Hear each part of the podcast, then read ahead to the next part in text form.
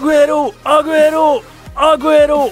Og Kevin eh, De Brøne og Firmino og Salah og Jamal Lascelles, Charlie Adam, uh, Hesse, um, Eden Hazard, eh, Stefan Johansen, Alex eh, Tetti, Ryan Cessignon, John Terry Ja, det er rett og slett bare å ramse opp, for i dag har vi Alle, alle disse gjester i, i dagens program. alle disse er gjester i dagens eh, program. Men det jeg må si fra om helt i starten her, er eh, også at uh, Bill Edgar, vår Eller ikke vår, The Times fun facts-mann, han leverer så til de grader i dag.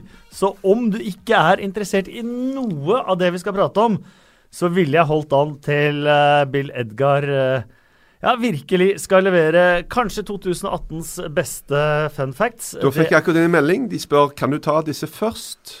For vi er ikke interessert i resten. Får du unnagjort. Stemmen du hører, det er mannen som slapp inn mål fra Nigel Clough og fra Stuart Pearce, men som allikevel trumfet dem begge og løftet tidenes første norske trofé på uh, Wembley. Synes du, du glemte Per Egil Alsen her nå. Han, du må jo nevne han òg. Kan nevne Per Egil Halsen òg. uh, uh, Mannen hvis fikk en katt oppkalt etter seg hjemme i mitt barndomshjem. Grå og hvite Per Egil. Men Erik Thorstvedt, veldig Hallo. hyggelig å ha deg tilbake her. Det er en fornøyelse å være her, særlig med den eh, syke rekka med navn som du ramser opp innledningsvis. Og alle disse skal vi innom. Vi skal innom hvert fall Vi får håpe vi kommer innom de fleste, og da er det perfekt å ha med Andreas Milde, som driver podkasten Nest Best, som handler om championship. Takk. Nå var det litt mer beskjeden intro, men eh, takk, takk. Det er hyggelig å være her. Vi skal nemlig også få et lite innblikk i eh, Det er jo ikke så mange runder igjen, verken i Championship eller Premier League. Hva som eh, Hva og hvem vi kan få opp til eh, Premier League neste sesong, og hva vi kan forvente oss, og ikke minst spillere i Championship som vi kanskje skal få se Premier League neste sesong, selv om laget ikke nødvendigvis rykker opp. Det er et godt poeng. Og Vi skal også innom eh, Twitter, også selvfølgelig. Men eh, det er én fast uh, lytter. Jeg vet ikke hvor mange som hører på podkasten, men jeg vet om én som har hørt alle episodene, og det er min eh, Ikke kom og si at du ikke vet hvor mange som har lyttet. Det har du full oversikt over, Kasper. Du, du hvem har lansert Norges største sportspodkast? Ja. Det har du gjort. Og for å gjøre det, så må du faktisk vite hva som ligger i bånn, altså. Det, det, er, cir er cirketall, men eh, nå høres det akkurat ut som hun jeg skulle innom. Som har hørt alle episodene. Det er nemlig min svigermor. Og hun var eh, like hissig i tonen i uh, helga da hun pratet om podkasten, for hun mener at jeg både er gretten, grinete, gammeldags eh, og imot alt som heter av nyvinninger. Ja, okay. Hun sa lytterne vil nå høre Fins det noen nyvinninger du faktisk kan juble for og er for? Eh, det ville hun eh, høre. OK. Og Men, det, men, det fins. så dette var svigermor? Min svigermor, ja. Hun går ekstremt mye. Hun går overalt.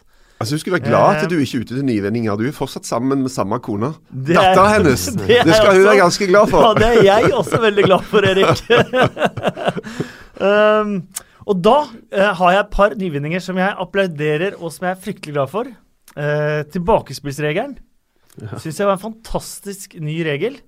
Ja, Eh, Men den er jo ikke ny. Det er ikke så nyskapende lenger. Nei, men den var ny da Ja, og jeg skal fortelle deg at når det, den tilbakespillsregelen kom altså, Det er mange gjerne som, som ikke engang husker hvordan fotballkamper foregikk tidligere.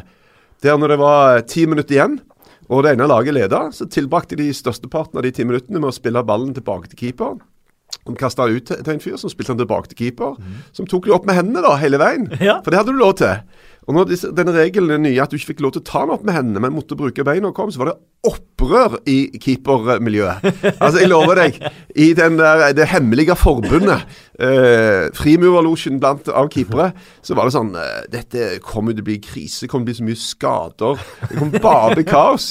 Og så er det jo helt fantastisk. Og til og med bra for keepere, for at nå får de lov til å være med og spille fotball. Mm, så det er jo helt supert. Men gjorde man sånn i gamle dager? Spilte man tilbake til keeper som skulle drøye tid? Bare sto man og spilte fram og Ja, tilbake? ja, ja. Hvis, hvis de ikke pressa så høyt at de greide å stenge av, så du var nødt til å sparke langt. Men ellers Men da var det jo hadde, da enormt. hadde Emiratene et triks for det.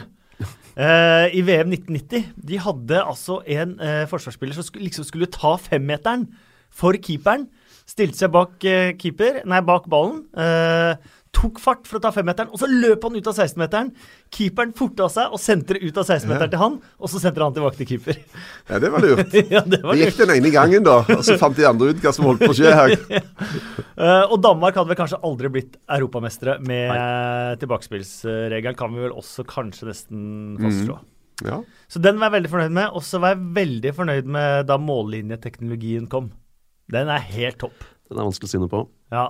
ja, den er rett og slett good shit, altså. Good shit. Det er så kult når de, eh, når de fryser, og så går det over. Og det Ja. var jo en sånn situasjon akkurat denne helga da, På Stoke. med, med eh, Stoke. Ja. Brighton, ja. Og det, vi snakker jo 7-8 centimeter forskjell på om Stoke får ett eller tre poeng. Altså. Og den tror jeg hadde blitt dømt inn, hadde det ikke vært for mållinje. Ja, sannsynligvis. Mm. Så, eh, men, men dritt for Stoke, da. Dritt for Stoke. Men da har jeg i hvert fall nevnt to nyvinninger i liksom min uh, voksne levetid. Internett, er det Så jeg Ja. syns er helt topp. Syns du det er greit? Ja, internett har jo hjulpet for fotball, det det òg. Men jeg sitter jo og titter på hele Rotmans-samlingen min da, innimellom. For jeg har jo komplett samling av den og tenker dette var jo dette er internett i gamle dager. Eh, og skulle ønske jeg hadde enda litt mer bruk for at jeg kunne plukke ut en av hylla. Altså, se litt. Det hender jeg gjør det, faktisk. Ja, bare for eh, Men det er ikke mye bilder? Litt Nei, lite det bilder er i ingen, eh, ingen bilder. Det var bilder i gamle dager, så hadde de sånn fem sider inni med bare bilder, og så fortsatte de liksom Ja, på de samlet bildene i ett. Ja, de samla bildene i ett, ja, i tre sånne bolker. Mm. Eh, men skal vi begynne på det nyeste? Eh, Chelsea i går. Det nærmet seg Chelsea-krise etter to særs ydmykende tap. Begynte å dette ut av topp fire. To hjemmekamper på rad uten mål, men Og Da er det én ting du trenger. Da trenger du West Brom. Da trenger du West Gi Brom. oss West Brom! De slo West Bromwich 3-0 på hjemmebane på mandag. Selv om West Bromwich stilte med nye spissen, Sturridge. Ja, Ja. han imponerte i de to minuttene han spilte. Han leverte som han skulle, han. Ja. ja, men det var jo eh, Altså, tredje tap var nesten utelukka, følte jeg. Altså, Det er jo litt stolthet i gjengen uansett, da. Selv om Conte hadde jo et ekstremt rart rant i, i forhold til eh, Han mente at han var veldig veldig bra til å forbedre spillere. Hvis de var en sekser, så greide han å få de opp til åtte. Hvis de var en åtter, så greide han å få de opp til ti. Men det han måtte bli mye, mye bedre på, var å lære de andre managerne hvordan de overbeviste arbeidsgiverne om at de måtte kjøpe bedre spillere. Det var han veldig dårlig til, og der måtte han skjerpe seg. Og det er en ganske rar ting å si. Det er bare en sånn eh, rett og slett bare en, en krigserklæring til, til egen arbeidsgiver. Så, men det er vel eh, der saken står nå. Og i tillegg, Luis Henrique er jo oddsfavoritt til å da ta over etter Chelsea. Han hadde vel en lengre sekvens der hvor han, hvor han skrøt også Luis Henrique opp i skyene. Ja. For en fantastisk manager han er. Ja. Så eh, kanskje han har en rar sans for humor, jeg vet ikke hva det er for noe. Men uh, Han er jo en kul fyr, men han har jo en tradisjon, han har jo en, en historie om å havne i trøbbel med arbeidsgiveren sin. Altså Han er jo en vanskelig fyr å forholde seg til. Hele veien vil ha mer, mer, mer, og, og det er for så vidt fair enough. Han vil lykkes og ha suksess.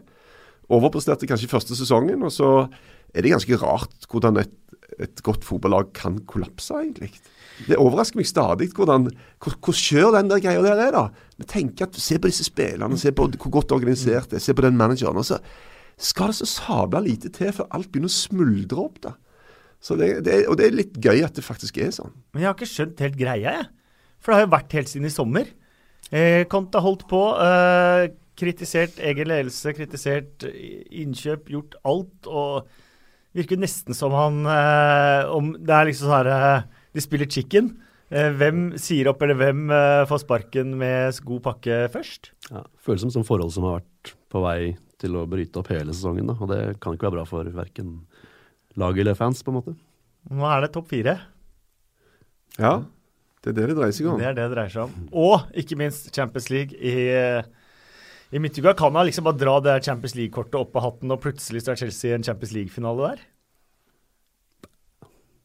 De har jo gjort det før. Det Ja. var helt sinnssvakt at de vant Champions League når de faktisk gjorde det. Men da de sparka de jo manageren på dette tidspunktet. her. Ja, og snakk altså, Var det ikke sånn at de, de tapte hjemme, og så lå de under 1-0 borte og hadde én mann utvist mot Barcelona? Ja.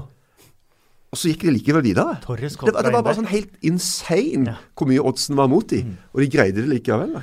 Det, det begynte vel med at de tapte 1-3 borte mot Napoli der, og ga André Villas Boas sparken etter den. Og snudde det på hjemmebane med Di Matteo. Ja, Og siden så var det stang inn hele veien. Stang ut for Tottenham. ja, ja. Han er på fjerdeplass uten å komme i Champions League. Eh, West Bromwich, sju poeng opp, elleve kamper igjen. Eh, de må vel sannsynligvis ha 18 poeng på de siste elleve kampene for å overleve nå. Er de første vi bare setter et kryss over? Man, kan jo gjerne gjøre det. Jeg tør aldri gjøre det selv om det er eh, sent i sesongen, jeg. Men det ser ikke, ser ikke veldig bra ut for de, altså. Um, De er gone, altså. De er- de er ute. Eh, Det har skjedd uh, muligens større mirakel, men sier ofte det. Det har skjedd større mirakel i fotball. Rarere ting i fotball. Men, men for- fordi de lagene foran kommer til å ta litt poeng, de òg. De har begynt å røre på seg. Enormt mange båndlag tok poeng i helga. Det gjorde ikke West Brom. Avstanden fram blir jo bare større. Så eh, nei, det der Pardew eh, Altså Hadde de beholdt Pulis, da? Hvor hadde de vært nå? Det er en litt sånn rar greie å tenke på. Kanskje det beste de kunne gjort nå, var å hente Pulis inn igjen. Ja, kanskje det. Du har fått- en liten pause fra Pulis, i hvert fall. Ja, men det er jo mange som sier at det, er jo mer gøy med West Brom nå. Ja. De har faktisk spilt helt OK fotball, de har bare fått veldig dårlig betalt. Uh, og det er muligens en, uh, en bitte liten trøst, men uh, det er championship neste sesong. Det Jeg føler det er liten honnør vi må gi de uansett, og det er jo i hvert fall, det snakker vi om i forrige podkast også, den avskjeden de ga Cyril Regis Regis, og, og måten de, de gjorde det på. Og ikke minst at de fortsatt har holdt humøret og fansen når fansen begynte Ei, ei, ei på slutten av kampen i går, da de satte sammen fem uh, pasninger der, er jo Det er god humor, da. Ja, de, har, og de har lang vei hjem midt på natta der. Altså, skal vi ikke, ikke, skal ikke bli kyniske eh, Jo, kanskje jeg er det uansett. Men, men vi ser jo òg ofte at eh, ut fra et rent kommersielt standpunkt, så er det veldig bra for fotballklubber å dyrke historien. Altså det betyr mye for eh, fans, for eh, standing. Vi ser at eh, eh, altså det å, å ha den kontakten Når det har blitt så globalt som det har blitt, så kommersielt som det har blitt, og det å ha denne kontakten med det som var før, da, det betyr eh, mye òg i forhold til det den, eh, som, hvordan en klubb blir sett på. At du har denne der ekteheten som ligger i bånn. Eh, så det er veldig bra at de hyller og dyrker og ting som har vært i historien. Eh, men jeg tror jo òg at ofte at det er litt sånn commercial department er med på ting. Og for at de faktisk rent, de tjener penger på det. Men det er litt å gjøre det på den riktige måten nå. Ja. Eh, fordi at hvis, eh, hvis du bare kjører på kommers på det der, eh, så kommer du ingen vei. Eh, Manchester United har jo f.eks. vært ufattelig flinke på det. Jeg vet ikke om du husker da de spilte med draktene fra, fra 58. ja. Eh, en, en, en ryggmargsrefleks hos en markedsansvarlig ville vært at vi selger de Ja. i klubbshoppen. ja. Eh, og det valgte de jo helt bevisst å ikke gjøre, av respekt eh, for ulykken i München og, øh, og alt. Så det, Ja, eh, det- så, det så er- det er- gjelder å ha en ekstremt god Fin, fin på det. Altså. ja. Og det, det er veldig mange som er veldig flinke. Mm, jeg må det si det. det, altså. Det har blitt eh, De ansetter gode folk Mm. over hele linja. Det er liksom ikke bare manageren og hans folk som skal være bra, det skal være over hele fjøla. Mm. Og det er klart at mange fotballklubber får enormt mye kritikk. Bare ta en titt opp på Newcastle. Men det er samtidig veldig mange òg som driver bra, da. Mm. Uh, og så er det enormt mange som sitter i styre og ledelse som får enormt mye drit. Selv om de egentlig er bra folk og gjør sitt beste. Har pumpa hundrevis av millioner inn i denne sabla klubben av egne penger. Men hvis de ikke vinner kamper likevel, så er de ræva folk, liksom.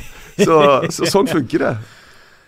Vi beveger oss videre til uh, Nord-London-derbyet. det eh, ble jo igjen, uh, får jeg nesten si. Eller igjen, Arsenal vant jo definitivt forrige kamp, men eh, nå begynner det av- det vært, eh, avstanden å bli ja. stor, altså. Ja, Tenker du poengmessig mellom Ja. Arsenal og, og Og det er liksom den der at St. Totterings Day er på en måte virker Ja. nesten som et glemt kapittel. Men hva, det der uh, hegemoniskiftet, altså hva- hva ligger i det begrepet, da? Altså, har, har Tottenham tatt over og ruler nå? Eller hva betyr en FA-cup, f.eks.? Nettopp, det er et godt poeng. Ja, som Arsenal har vunnet tre av de fire siste Mhm. sesongene. Og Tottenham har altså ikke vunnet en litt større pokal da, i den klassen siden 1991. Så du kan Om liksom halvannen uke kan Arsenal hente enda et trofé på Wembley. Ja, så liksom eh, Ja, akkurat nå så er det gode, veldig gode tider for, for Tottenham. At de greier det på Wembley, syns jeg er imponerende. altså. Å, å komme seg foran Arsenal, og det gjør de sannsynligvis. Så, men Arsenal har altså vunnet tre av 14 bortekamper. Tre stykker. altså. Det er altså så stusselig. Like mange som Southampton. Ja, altså det er, Og da er det et eller annet Jeg har veldig lenge forsvart uh, veldig mye, og Wenger og hele greia. Men dette er stusslig, altså. Og hvis det fisler ut nå med at de taper mot Man City og kommer utfor topp fire, så kan jo ikke Wenger ta en sesong til. Det fatter jeg rett og slett ikke hvordan skal Det være mulig. det har vi sagt lenge. Ja, men, men da, da tror jeg at Altså, da er jo eh, Da er liksom og, Nå hyller vi jo Mkhitaryan og Aubameyang og nye Arsenal og alt det der greiene der. Og det er klart at det var mange Man United-fans som sendte ut eh, kule Twitter-meldinger etter denne matchen som Mkhitaryan hadde. Altså, om se hvor lenge det varte. Så, og det er jo klart det er en grunn til at, eh, at, at Mourinho lar han gå. Og det er at jeg tror ikke han har Altså, Mourinho stiller for høye prestasjonskrav. Og Mkhitaryan tror jeg passer i Arsenal, for han, han trenger litt kjærlighet, og han trenger kule pasningsalternativ og lage fine mønstre sammen med Øzil hele den greia der. Men, men eh, eh, han kommer til å kose seg mer og spille dritbra fotball, men det blir litt mindre pokaler av det sannsynligvis enn det hadde gjort i Man United. Eh, Harry Kane med sju mål på sju derbykamper mot eh, Arsenal. Både du og jeg, Andreas, så jo han både for Millwall, da var han jo ganske god. Eh, for Leicester, da var han mer medioker. Ja. Eh, men det var ikke lett å se at han skulle bli det four season Wonder han har blitt. Nei, ikke i det hele tatt. Eh, Jeg trodde egentlig ikke det da han begynte å score i Premier League heller. At han hadde liksom Det er, det er unggutt som kommer opp og har litt flaks der, men det ser jo at det, det var ikke flaks. Og jeg leste en artikkel han skrev Players Tribune, tror jeg. Han skrev liksom om oppveksten sin i Tottenham og hvordan Arsenal uh, kicka han ut som, uh, som unggutt, og hvordan han alltid gleda seg til kampen for han skulle score, og så skårer han da uh, nå igjen. Uh, Det var vel et par dager senere. Det er jo veldig flott. Eh, En av verdens beste spisser. På høyde med Messi er det liksom de siste, siste sam- variantene. kan ikke helt sammenlignes med Messi, da. Nei, de er jo veldig ulike som spillere òg, og, og Messi er jo et, et fenomen. Harry Kane er foreløpig en, en sykt god fotballspiller. Men, eh, men det er et eller annet med det der med å Jeg greide vel til og med å, å lire av meg på Premier League-sendingene våre på TV 2 i helga at, eh, at Harry Kane er undervurdert. Ja. Og det er ganske rart når vi sitter og hyller han så sykt som vi gjør. Men jeg så en sånn ganske kul analyse som gikk på Ronaldo og, og Messi, som mente at de var undervurdert. Både i forhold til hva de betydde for laget, og i forhold til lønn. De tjener sinnssykt mye penger, men de betyr så mye at hvis du ser sånn rent lønnsmessig, så burde de faktisk tjent mer enn det de gjør. Men, øh, og det, det er klart at det er òg et sånt issue i forhold til Harry, da. Hvor lenge godtar han å tjene såpass mye mindre enn veldig veldig mange andre i Men det er jo, men det er jo en eh, Det gjelder mange spillere, men jeg tenker sånn Harry Kane er en fyr som er god fordi han er i Tottenham og er i det spillet. Det er ikke sikkert han skal til Real Madrid liksom og være like, like dominerende der. Fullt mulig han er det jo, altså, men jeg føler liksom Tottenham passer han veldig bra. da, Og det er der han har kommet og, og blitt den han er. Så hvis han går til Manchester United eller eh, Real Madrid, så er det ikke sikkert det, eh, det kommer til å funke like bra. da. Nei, altså, hvis han går til han, han skyter jo i hytt og pine. Han avslutter jo så sinnssvakt mye fra alle mulige og umulige vinkler. Og kan du dra til Real Madrid og gjøre det? Altså Godta hierarkiet. Godta Ronaldo, at du har en fyr her som bare altså blekke løs. Og, og mye går inn, men mye går jo òg da ikke inn. Ja, men hør på dette her, for det, han har jo en helt ekstrem øh, Ekstrem øh, Han er ekstremt komplett avslutter, da. Hvis du ser de tre toppskårerne i Premier League, så har Aguero skåra 15 av 21 med høyrefoten, én med venstrefoten øh, og fem med hodet. Mm. Eh, Sala, én med hodet, to med høyrefot, 19 med venstrefoten. Mm. Og så har du Harry Kane. Fem med hodet, ni med høyre, ni med venstre. Ja. Det forteller jo noe om en som kan avslutte på absolutt alt og på absolutt alle måter. ja, men målet er jo mål, da. Mål er mål. Det er sant. Men det gjør jo eh, registeret. Ja, han kan skyte øh, Han kan skåre fra 25 meter med venstrefoten. Mm. Og det er ikke så veldig mange som har den egenskapen. Nei. At de faktisk kan det. Så eh, Og jeg tror hans grunnspill da er så bra. Han, selv om han ikke ikke skårer, da, som f.eks. mot Man United eh, på, på, Wembley for et par uker siden, så, så, han, så, gjør han så mye annet bra. da. Altså Med ryggen mot mål, som møtespiss, i, i måten han kombinerer og gjør så mange andre bra ting på, at jeg tror bare det vil være eh, enormt nyttig for et lag. og klart at Jeg satt jo så på, på Wembley på denne Tottenham-Real Madrid-matchen og kunne jo sammenligne den omtrent direkte med, med Benzema. Og Det er jo gjerne urettferdig i én sånn type match, men jeg mener jo at Harry Kane er faktisk mye bedre enn Benzema. Det er jeg mm. ganske overbevist om. Mm. Og hadde gjort Real Madrid bedre.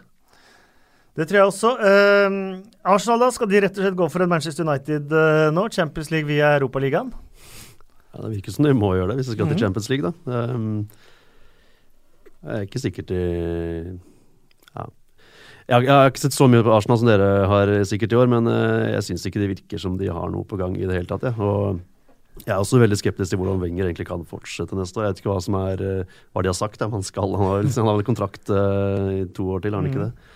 Så, men jeg skjønner ikke at ledelsen eller Altså, man må ha noe nytt da i Arsenal. Man må få noen nye tanker der, selv om Wenger selvfølgelig er legende i klubben. Men, men de har jo et sykt bra lag nå. Altså, Aubameyang. de har jo ikke forsvar. Aubameyang. Ja, det er klart han, han, sa han ville ha en midtstopper, og det ja. fikk han ikke. Og det er klart, Hvis du ser på tallene til Arsenal, så er det jo du kan bare si med en gang de slipper inn for mye mål. Ja, de slipper inn for mye mål. Det er det som er greia. Og, og det, og, men, men, den angrepsrekka ja. altså, er jo eh, smått syk, altså.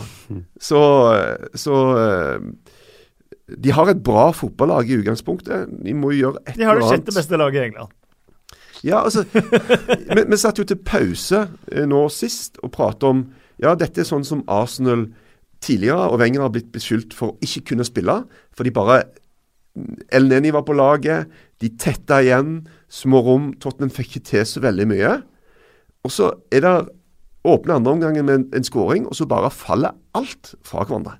Da bare raser alt. Og Tottenham kjørte jo på noe så sykt. Du burde hatt mye mer mål. Uh, og så satt jeg hele veien med følelsen at dette sånn, kommer til å bli et eksempel på en sånn kamp som du må drepe, hvis ikke så straffer det seg. Og det holdt de jo på, å gjøre. På å gjøre. Men Lacassette uten selvtillit ja. var jo trist å se, da. Ja. Men, men, de har i ugang altså de, Napoli, da. Napoli er jo i Europaligaen. Mm. Så de, er de Arsenal bedre enn Napoli? Nei. Mm. Nei, de må, men de må sette alle kluter til, da. Ja. Det er jo, og det, det, han tok et veldig kynisk valg forrige sesong, José Mourinho, og ingen kan ta ham på det. Nei. Eh, Svekka lag i ligaen. Eh, selv om det på et tidspunkt var tre-fire poeng opp til topp eh, top fire, mm. så tok han det valget. Vi prøver ikke på det. Vi prøver på Europaligaen, får det bære eller briste. Men har vel Aubameyang og Mykhtarian har bare spilt to kamper for Arsenal, så kan jo, de kan jo finne tilbake det de hadde kanskje i første kampen de spilte ja. sammen. Da. Og de har spilt Champions League, de har ikke spilt Europaliga, så de er eh, Og det har jo samme med Alexis Sanchez eh, motsatt, bare spilt mm, Europaliga, mm. ikke Champions League. Perfekt uh, bytte. Uh, en som ikke sliter med selvtilliten, det er Sergio Aguero. Newcastle ble Newcastle, sier jeg. Leicester ble slått 5-1. Aguero med fire mål. Kevin De Brødne med eh, tre eh, målgivende, men vi starter med det første. For eh, jeg har sagt det før òg, jeg mener jo Aguero er en av Premier Leagues sånn gjennom eh, lengre tid mest undervurderte spisser. Han har vært, altså aldri vært på årets lag i Premier League. Han har vært nominert til årets spiller én gang. Uh, han er Manchester Citys toppskårer i alle seks sesonger i klubben med 30, 17, 28, 32, 29 og 33 mål. Altså 33 mål forrige sesong, da folk mente han ah, ikke var helt der han skulle være. Um, det er fjerde strake sesongen med pluss 20 mål. Um, han har 63 mål på sine 68 siste starter i Premier League. Han har skåret i sju strake hjemmekamper. Han har 197 mål, slo klubbrekorden til Eric Brooks på 177. Denne sesongen har han 28 mål, 21 av dem i Premier League. Og også i år denne sesongen har han fått kritikk for ikke å være helt på topp. Ja, og I tillegg til alt det du nevner nå, hvis du går inn og ser på antall uh, skåringer per minutt, så er han jo best. Best. Altså Da, da ligger han jo foran Harry Kane og og Salah, som ligger på, foran ham på tabellen, toppskårertabellen. Så nei, det er en Og det, det rare er jo at han, han var litt sånn under press, da. Ja. Når Gabriel Jesus kom og han spilte, og folk lurte litt på hva skjer med Aguero, og er han ikke helt eh, Guardiolas mann og greier. Og, og til og med på Argentina har han jo vært virkelig ute av det, altså. Så, men eh, det er enkelte folk som er sånn at hvis du Hvis du bare lar de spille alltid altså de, de regner sammen til slutt, Ja. som du nettopp har gjort, så bare, blir det bare sykt mye mål. Hele veien, altså.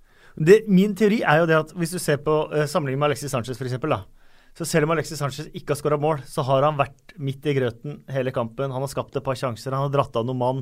Uh, du har sett han hele matchen. Hvis Aguero først ikke skårer, så tenker man åh, han spilte i terningkast én på, på, på, på børsen. Mm. Men han skår, når han skårer, og det gjør han jo veldig ofte, men når han ikke skårer, så tenker man liksom åh, det er et eller annet feil med Aguero. Det kan være sånn når han scorer òg. Du ser jo Ja. ikke i store deler av kampen, men plutselig så har han skåret fire mål. da. Og så er det, eh, så det, det er sikkert det som gjør han litt un, altså, undervurdert i hermetegn. da, At man Mm. liksom man legger ikke så mye merke til han som man kanskje gjør med Kane og disse andre. da. Salah spesielt. Den, eh, fire mål i en match er jo ganske unikt, men, men denne gangen fikk han faktisk god hjelp av en mann som Ja, for det må ikke vi burde snakke hatt litt om. Ja, altså han, når, når en keeper som Kasper Schmeichel vender tilbake til gamleklubben, som det faktisk er, så vil du alltid prestere litt ekstra. Det er alltid liksom du, du kunne gjerne til og med vise at vet du hva, dere skulle beholdt meg, Mm. men det er ikke så bra denne gangen. altså. Jeg mener Tre av de fire målene kunne han jo strengt tatt tatt. da. Snakker du nå om den siste òg? Ja, definitivt. Ja. Altså, gå midt er, i altså- mål. Den er, ja, men den er altså så hard at Ja, men han er for spørs om han ikke har registrert at den var der før den forsvant over den. Han, han bommer på opphoppet sitt. Han, keeper Ja, tar det- ofte et sånn lite stem. da. Du tar et lite hopp før det store hoppet for å få denne ekstra satsen. Og han bommer på det. Men er ikke det fordi eh, det er så hardt at vanligvis man tar opphoppet, så timer man det perfekt med at da kommer ballen der. Men dette er så hardt at han rekker ikke å hoppe opp. Nei, altså Nei. du ser at når, når han legger an til skudd, så tar du et lite hopp. Ja. Så når du ser at foten går bakover, at nå skal han skyte, så tar du det lille hoppet. Ja. Men du må være ferdig med det før eh, du oppdager plutselig at ballen er på vei. Ja. Han, som jeg sier, han går midt i mål fra 22 meter. Altså, Han står aldri- ikke så langt utfor streken. Altså. Jeg skal aldri lære deg noe om keeperspill, Erik. Ja. Men jeg nekter å ta den som uh, keepertabbe. Den har jeg lyst til 100 Nei, keepertabbe bør vi jo Altså, det begrepet bør bannlyses og utryddes. uh, men jeg, jeg er veldig for Det er en av mine kjepphester, da. Å, å slutte å, å, å skille mellom en, en stor og en liten feil. En feil som fører til baklengsmål, om det er gedigent eller om det er bitte lite, er et baklengsmål uansett. da. Så jeg vil heller ha en keeper som gjør Gomez-style, tre giganttabber i året, men spiller dritbra ellers, Ja.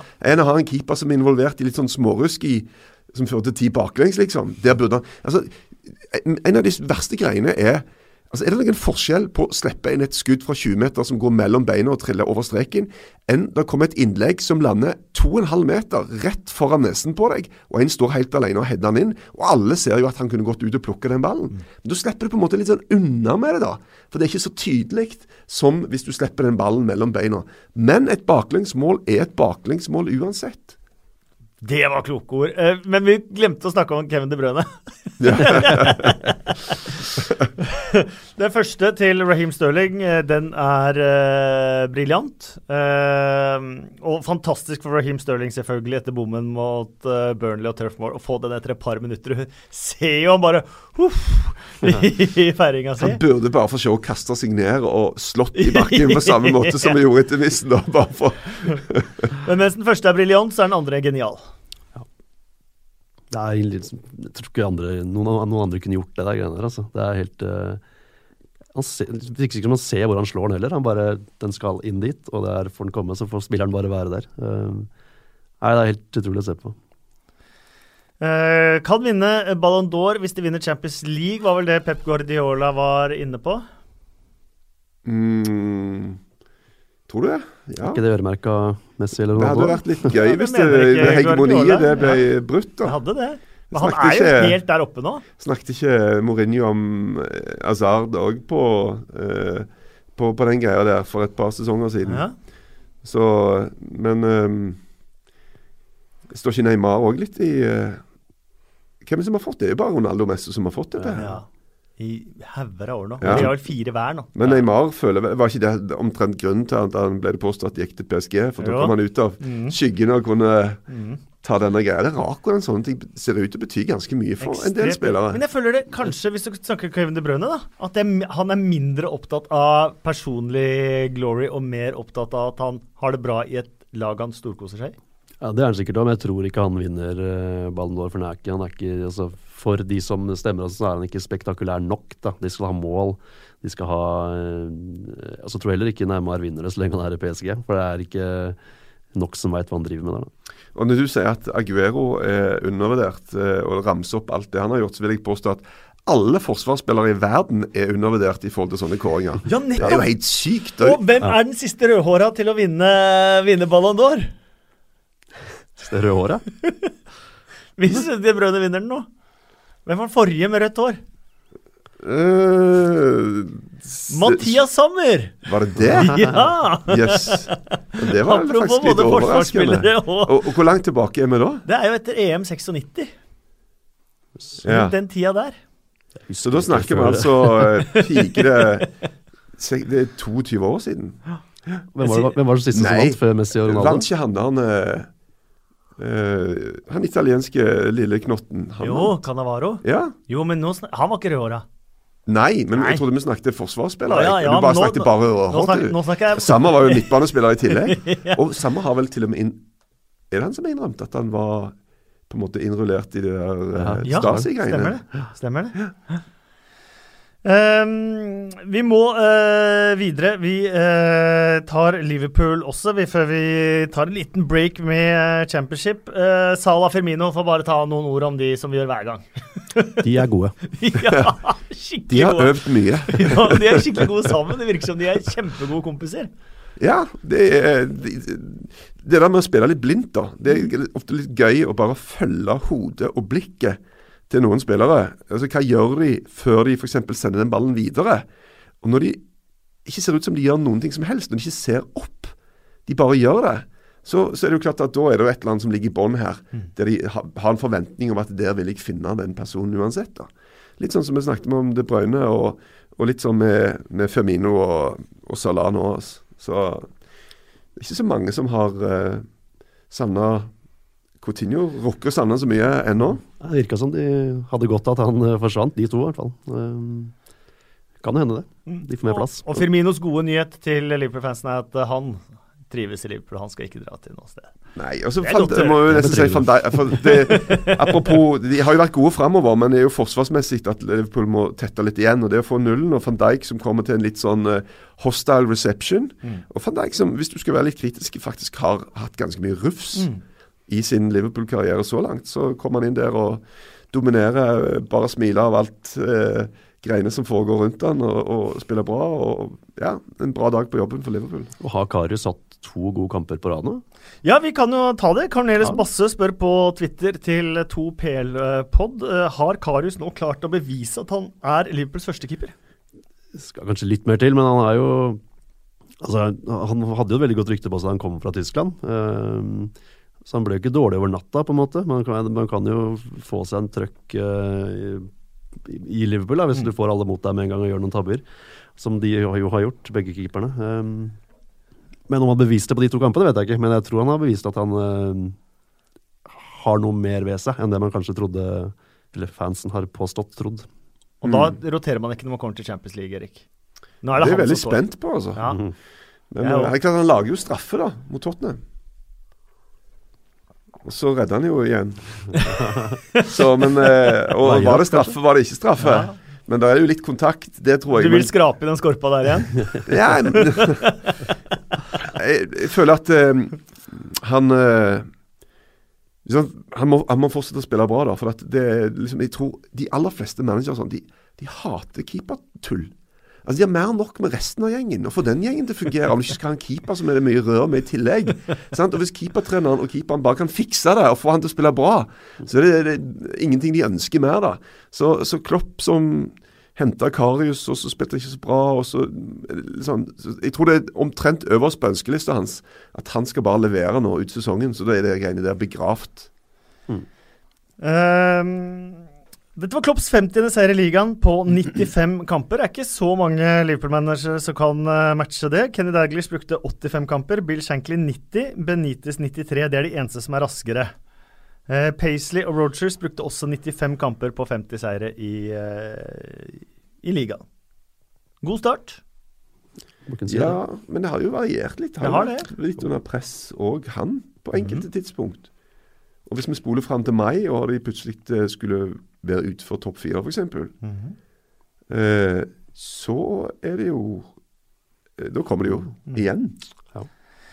Eh, Rikard Mathisen eh, skriver på Twitter Som Liverpool-supporter er jo dette bare bra, men måten Southampton spilte i andre gang, virker som et lag som har gitt opp håpet. Hva tenker dere om det?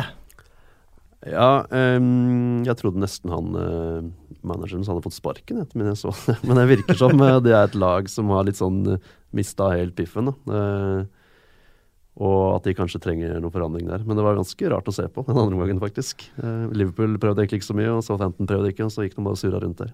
Men når skal de da ta mot til seg å ansette Marco Silva?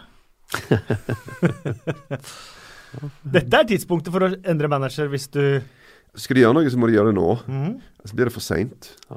Og han har jo vært under press lenge, men så fikk de vel denne De vant borte mot West Brom Ja, 3-2. etter uavgjort i kampen før der Ja. så da var det plutselig fire poeng på to kamper. Ja, og Og, og til, liksom, jeg løste til og med en artikkel liksom sånn Dette her er historien bak Southamptons revival. Eh, og så går det ikke så lenge før den eh, revivalen er begrava igjen. Så eh, Og det, det er litt sånn synd, for Southampton er jo et lag som veldig mange liker, og veldig mange ser til som et mønsterbruk. Har vært, da. Ja, De var jo nesten laget som istedenfor Leicester skulle ta, kanskje ta Ja. det neste steget opp. De hadde denne fantastiske eh, ungdomsavdelingen som leverte gode spillere på rekke og rad, som har tørka opp. Og det er faktisk ganske naturlig. Det er ikke, det er ikke forventa at du hele veien skal levere topp, topp spillere. Det er, Se på mange andre lag som, som aldri leverer noen ting som helst. Og så hadde de denne black box-greia som var en sånn rekrutteringsverktøy. Som gjorde at de kunne gå inn og så kunne de hente spillere. For de hadde analyseverktøy i bånn som gjorde at de var så sabla mye flinkere enn alle andre til å finne de rette spillerne. Og det har jo òg vært eh, ikke supert de siste par sesongene. Men hvor lenge kan man, kvitt, kan man se managere gå, spillere gå, alle gå, uten at man merker det sportslig? Det, det vil jo si stopp på et tidspunkt, det òg.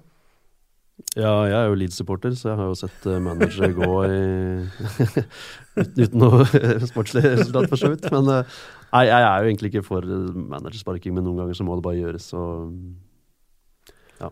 de, har, de har i hvert fall drept seg ut på en måte. altså. De, de ga Claude Puel sparken etter forrige sesong. Ja, Og uansett og ligacupfinale. Ja, og en ligacupfinale der de var mye bedre enn Man United Ja. og burde vunnet, og det var en kontroversiell dommersituasjon, bla, bla, bla.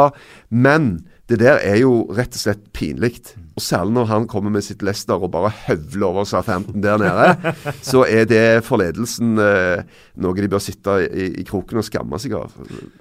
Apropos det, eh, liten avsporing, men Claude Poels eh, endring fra 3-5 bak til 4 bak mot Manchester City holdt de til 1-1 til pause. Plutselig eh, kjemperom for Manchester City. Var det eh, sesongens største managerblunder, eller hva skjedde? Jeg tror nok det er ganske mange av, hvis du begynner å dypdykke litt. Og så er det nok mange sånne. Men det er jo òg Det- det, er ikke sikkert- det, det, det nå, kunne-. Hæ? Det kunne jo ha skjedd uansett, liksom. Det er, det, er- det, det, men det er enormt lett, og jeg kjenner det sjøl, merker det sjøl, at det er så ofte veldig enkelt å Når du sitter med fasiten, så tilpasser du virkeligheten til, til resultatet, da. Eh, Og det der er enormt enkelt. Og særlig med, med sånn eh, En sånn greie som ofte er brukt, er liksom resultater med og uten akkurat den bestemte spilleren. Og se hvor, hvor, hvor gode de er med han, og så se statistikken uten han. Og så kan det være andre ting som ligger bak. da. F.eks. hvis han har vært suspendert i tre kamper. De har tapt alle kampene. Så kommer han tilbake, så vinner de neste match. Og så sier vi se hva han betyr for laget. Og så taper de de fire neste kampene, og da sier vi ingenting. Nei, holder det er litt sånn eh, den der statistikken eh, på én eh, spiller og ikke én spiller og sånt, Mm. og det er for så vidt helt enig. For meg så er den eh, i stor grad eh, verdiløs, med mindre du kan se at statistikken enten er ekstrem, og at du kan se forskjell på en og annen rolle i eh, laget. Litt sånn Wilfried Saha i Mm. Ja. Crystal Palace. Ja. De har jo, eh, han har spilt 20 kamper og ikke spilt 7. Mm. Alle poeng de har tatt denne sesongen, har de tatt med han på banen. De har tatt Mm. Ja. null poeng på de syv uten. Og du ser at laget er annerledes med uten Wilfried Saha. Mm. Så jeg har nevnt tett i statistikken også, Ja. eh, som også er helt ekstrem. Og vi hadde en på David Silver nå, Ja. som, som var hei, bare helt syk. Altså, De har vunnet uh, med han tre, 30 av de siste 31 kampene, og én uavgjort. Altså, da begynner det å bli Og jeg synes dette var liksom, Så så jeg at starten på den statistikken var uh, 6. mai 2017, som jo er forrige sesong. Så jeg synes det var litt sånn rart. Hvorfor starter den statistikken Ja, det hørte jeg du sa. 6. mai? Så jeg begynte liksom, gikk inn og kikket og, og fant det ut. Og så sendte jeg en mail til Oppda. da, liksom, Dette var litt merkelig. Kan, eh, eh, kan ikke dere komme opp med noen tall som gir meg litt sånn Får David Silva til å se litt dårlig ut heller? Bare for liksom sammenligne. Altså. Nei, Grunnen til at vi tok 6. mai, var at han hadde vært skada lenge, vært ute. Og Da kom han tilbake og begynte å spille. Det var eneste grunnen. Det gikk ikke an å få David Silva til å se dårlig ut. Det var, det var umulig. Og Av og til så må du bare akseptere at ja, sånn er det. Ja, det er sant, det, altså. Og det er liksom, og det, er liksom det jeg også ser med, med Tetti, at Norwich er et mye bedre fotballag når han spiller. Og at de Mm. offensive spillerne blomstrer mye mer når de har en som passer på så godt bak også. Ja. Eh, vi har en eh, tweet fra André Lauritzen her eh, også, så vi bare tar det også eh, fra forrige podkast. 51 minutter uten å nevne Manchester United i mer enn et par bisetninger. Greit at det ikke var et fyrverkeri av en kamp, men det var jo noen ting å ta tak i, i hvert fall. Ellers god pod som vanlig. Eh, takk, eh, André.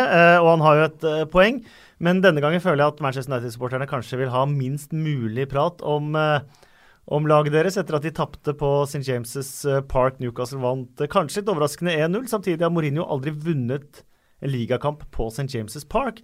Jeg vet ikke om sånne statistikker er kliss tilfeldige, eller om det er noe i det. Nei Altså, Han kommer jo til å vinne der en gang, sikkert. Det er han aldri kommer til å vinne der, eh, men uh, kanskje det ligger i huet på han, da. Jeg vet ikke. Uh, jeg tror ikke det. Jeg har ikke noe tro på at uh, han bryr seg.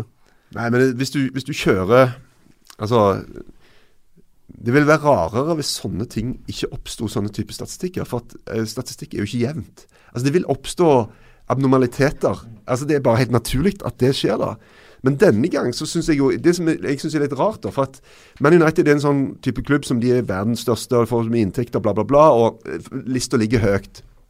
Men hvis de har drit uflaks, så må det være lov å si at til og med Man United kan ha drit uflaks. Og det syns jeg de hadde nå.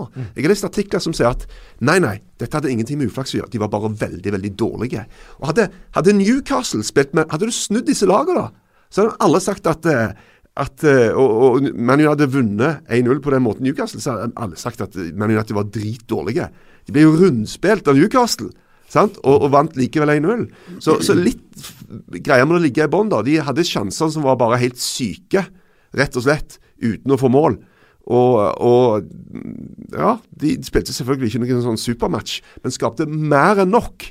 Det ene sekundet som Sanchez lurer på skal jeg skyte på første, eller skal jeg bare samle meg foran åpent mål, og, og så gjør han det siste, og så blir, kommer det en blokk istedenfor. Det var jo et nøkkeløyeblikk her. Men nok Manchester United. De tapte 0-1. Jeg syns Newcastle fortjener det. Bjørn Vestblad skriver på Twitter Kan dere ikke bare snakke om hvor fantastiske Newcastle var i går? På tribunen, på tribanen På tribunen På tribanen. På tribanen, på banen. Åh, skriver han. Og det fortjener Newcastle eh, og Newcastle-supportere nå, altså.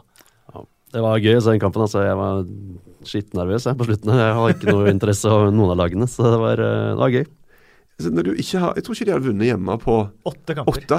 Altså, da er du sultefòra Mm. som tilhenger, altså. altså det, det er mange minutter, det er mange kamper og, og, som du gleder deg til. Det tar tross alt litt tid å komme seg til stadion, det er litt hassle og, og så liksom Gjør det gang på gang på gang på gang, og det skjer ingenting. Og så kommer denne her greia mot Man United, da. Og verst av alt, de trengte det. Så sykt, da. Se på tabellen, da. Altså, de, de, var, de tre poengene der var bare helt enormt viktige. Og, og når du får en sånn match som folk egentlig snakker om i mange år, så er det bare perfekt dag, altså. Eh, midtforsvaret der, da. Eh, Chris Smalling, eller Mike Smalling, som eh, Louis van Gahl mente han eh, het, og Phil eh, Jones. Landslagsstoppere for England. To stoppere som det nå sies at Mourinho vil kvitte seg med eh, før neste sesong. Og så hadde du Jamal Lascelles i midtforsvaret til Newcastle, som var en gigant. Eh, og så kommer det et eh, VM til sommeren, alle tre engelske. Kommer man på landslaget når man spiller for Newcastle når man konkurrerer mot spillere som spiller for Manchester United eller noen av de topp seks, da? Ja, jeg kan vel ikke svare på det, men jeg, jeg Du skal ta ut laget, da. Vær ærlig på det. Jeg gjør gjerne det. Jeg hadde nok tatt Lascelles da, så, men eh, det er nok eh, Det bør være sånn at man selvfølgelig gjør det, men eh, det er mulig store navn og store klubber trumfer. Altså, jeg vet ikke.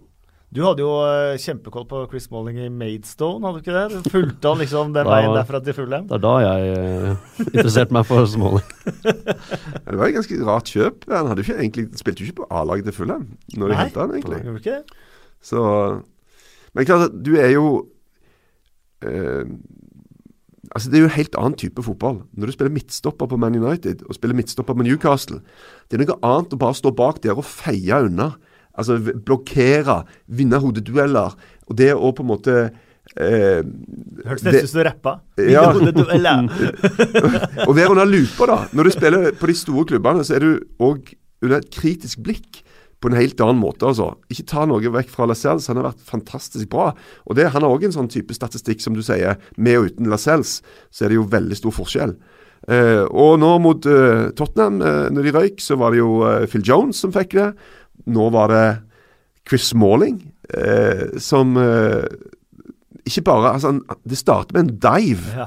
Altså Han får gult kort for dive på egen banehalvdel. Eh, og så er det til og med han i, i fight med, med, med Gale som, som knocker ballen videre. Som er sist, nest sist på ballen før Newcastle skårer. Så Men de savner jo Bailly, da. Det er jo Det Få han tilbake. Det er og så er spørsmålet hvem skal spille sammen med han. Og Det, det er et eller annet med det Man United-greiene. De har så mange bak som de roterer på. Jeg blir aldri helt klok på Darmien. og, og Nå er Blind skada, da, men eh, Rojo, og så er det Shaw, og så er det Young, og så er det Valencia, og så holder han på, og så er det Lindeløv, og så Hvem er egentlig de som er liksom første backrekka her? Jeg aner ikke, rett og slett. Er, jeg vet ikke engang om Mourinho vet det. Nei. Eh, uansett, en fantastisk triumf for uh, Newcastle. Uh, den trengte de, som du også var inne på, rykka opp fra championship forrige sesong. Og nå, Andreas Mildevi, du er Leeds-fan. Ja, Eh, vi, vi kan egentlig begynne der. For Leeds eh, sparka manageren sin igjen. Thomas Christiansen, Andrea Radri, Radrisani, som er den nye eieren i Leeds, tok full selvkritikk på ansettelsen av Kristiansen og mente at han var på ingen måte klar for oppgaven det var å være manager på dette nivået her. Så det var på en måte hans feil. Eh, 19 managere på 14 år. Eh, men kanskje fått mannen eh, man kanskje håper litt på i Paul Heckingbottom, som har gjort en god jobb i Yorkshire-rival Barnsley.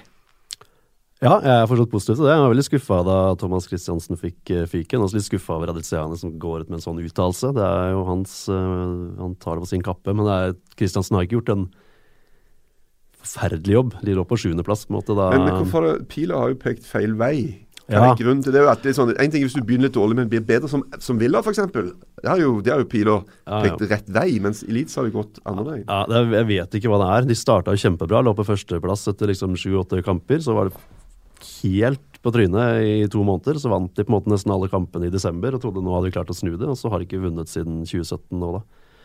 Så det er som det sitter nesten litt i huet på spillerne, egentlig. Det er veldig rart, for de var så gode i starten av sesongen. Nå er de bare altså, helt ute. Det er så grått å se på Leeds nå at det er, eh, det er litt tungt. Så det var nok på en måte rett å sparke med Thomas Christiansen, men jeg ville bare ha slutt på den der sparkinga.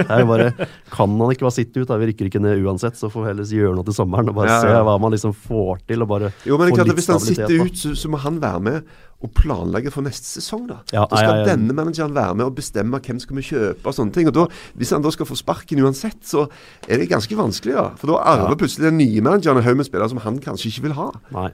Det er, nå er det veldig rart. eh, Det er jo han Victor Orta som er sportsdirektør i, i Leeds nå, fra, var i Middlesbrough. Han står for alle kjøpene, så managerne har på en måte ikke noe å si uansett. Ja. Men Ali, jeg skjønner hva du mener. Det, Ja. jo, det skal jo bli han manageren sitt lag, så han må jo eh, Så det er jo riktig. Og han på All Hat Taking Bottom er jo Barnsley lå lå vel på 17. eller 20. plass eller sånn i championship nå, men han gjorde en kjempesesong eh, med det i fjor, med rykka opp fra League One og tar det rett opp på åttendeplass til jul, og så mister de jo alle spillerne sine. Ja. Alle spillerne sine, som var liksom Altså Sam Winnold, Con Conor Horriane, James Bree, uh, Alfie Mawson som gikk til um, Swansea. Altså De mista alt som var bra, og så da ramla det sammen, da. Men han er, han er, ung, han er offensiv, og han er fra Yorkshire. Men han sa også, når du er der jeg er fra, så må man enten velge skolegården Barnsley eller Leeds. Ja. Jeg er definitivt Barnsley. Selvfølgelig, han har sagt det. Han har sagt det, han får mye tynn for det, men som han sier Altså det hadde vært rarere om jeg var Bernt Barnsley-manager og kom og ropte Leeds, Leeds, Leeds på, på Ellen Road, liksom. Det hadde vært enda rarere. Så det er som det sa jeg da. Jeg er fra Barnsley, og ja, ja. da blir det sånn. Ja. Nå er jeg i Leeds, og det er en stor klubb. Og jeg, det er ikke sånn at jeg går her og skal ødelegge klubben, liksom. Det er, det er, det er sånn fans engelskap i dag. Men, men, hvis du ser på alle de folka som har forsvunnet ut i Leeds-managere, mm. hvem ville du sagt han ville jeg helst hatt? Altså han, han av alle, hvem ville du helst beholdt?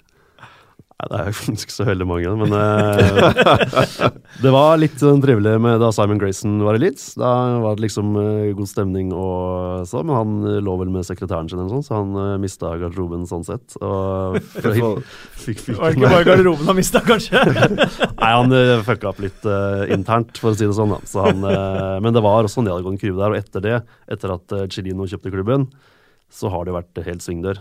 De satt jo i 40 dager, og det var de hadde vel tre managere på én sesong, vel, og to, um, to uh, hva heter det, sånne caretakers. Ja. Så det har vært helt komisk. Uh, ansatte jo Hockaday, som han henta fra Non-League, som han Celino mente var liksom Det er kanskje den rareste ansettelsen noensinne, faktisk. Ja, ja, da skjønte ingen noe. og han satt jo da også i 40 dager. Eller. Ja. Så, Uh, vi skal videre i Championship. Minner også at vi skal videre også i Premier League etter at vi har prata litt Championship. Og jeg må jo også bare minne igjen om at fun factsene til The Times eh, Bill Edgar kommer. Og jeg ser jo at dere sitter og gleder dere til, uh, til Bill Edgar, uh, gutter.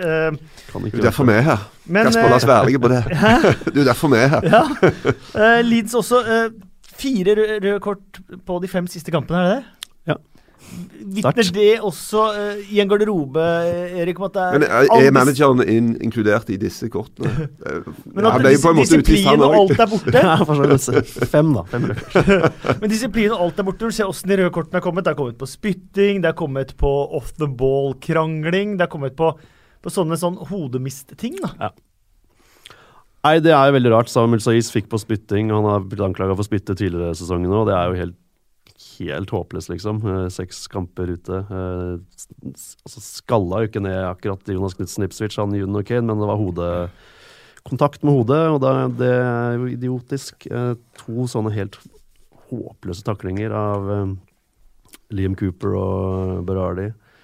Som liksom bare, Jeg vet ikke hva det er, hvorfor man sier, sier dette hver gang. Nå skal vi ikke få rødt kort, folkens. Så går ut og måker dem ned og får rødt kort. Det er liksom det er jo et vitne om et eller annet. Men uh, var det i fjor i cupen? Uh, var det mot 17? Hvor ja. Liam Cooper uh, spilte med 32 på ryggen. Hadde han det? Var det tallet hans? Ja, det er mulig. Og så var sponsoren 32 Red foran, ja, og så fikk han rødt kort? Nei.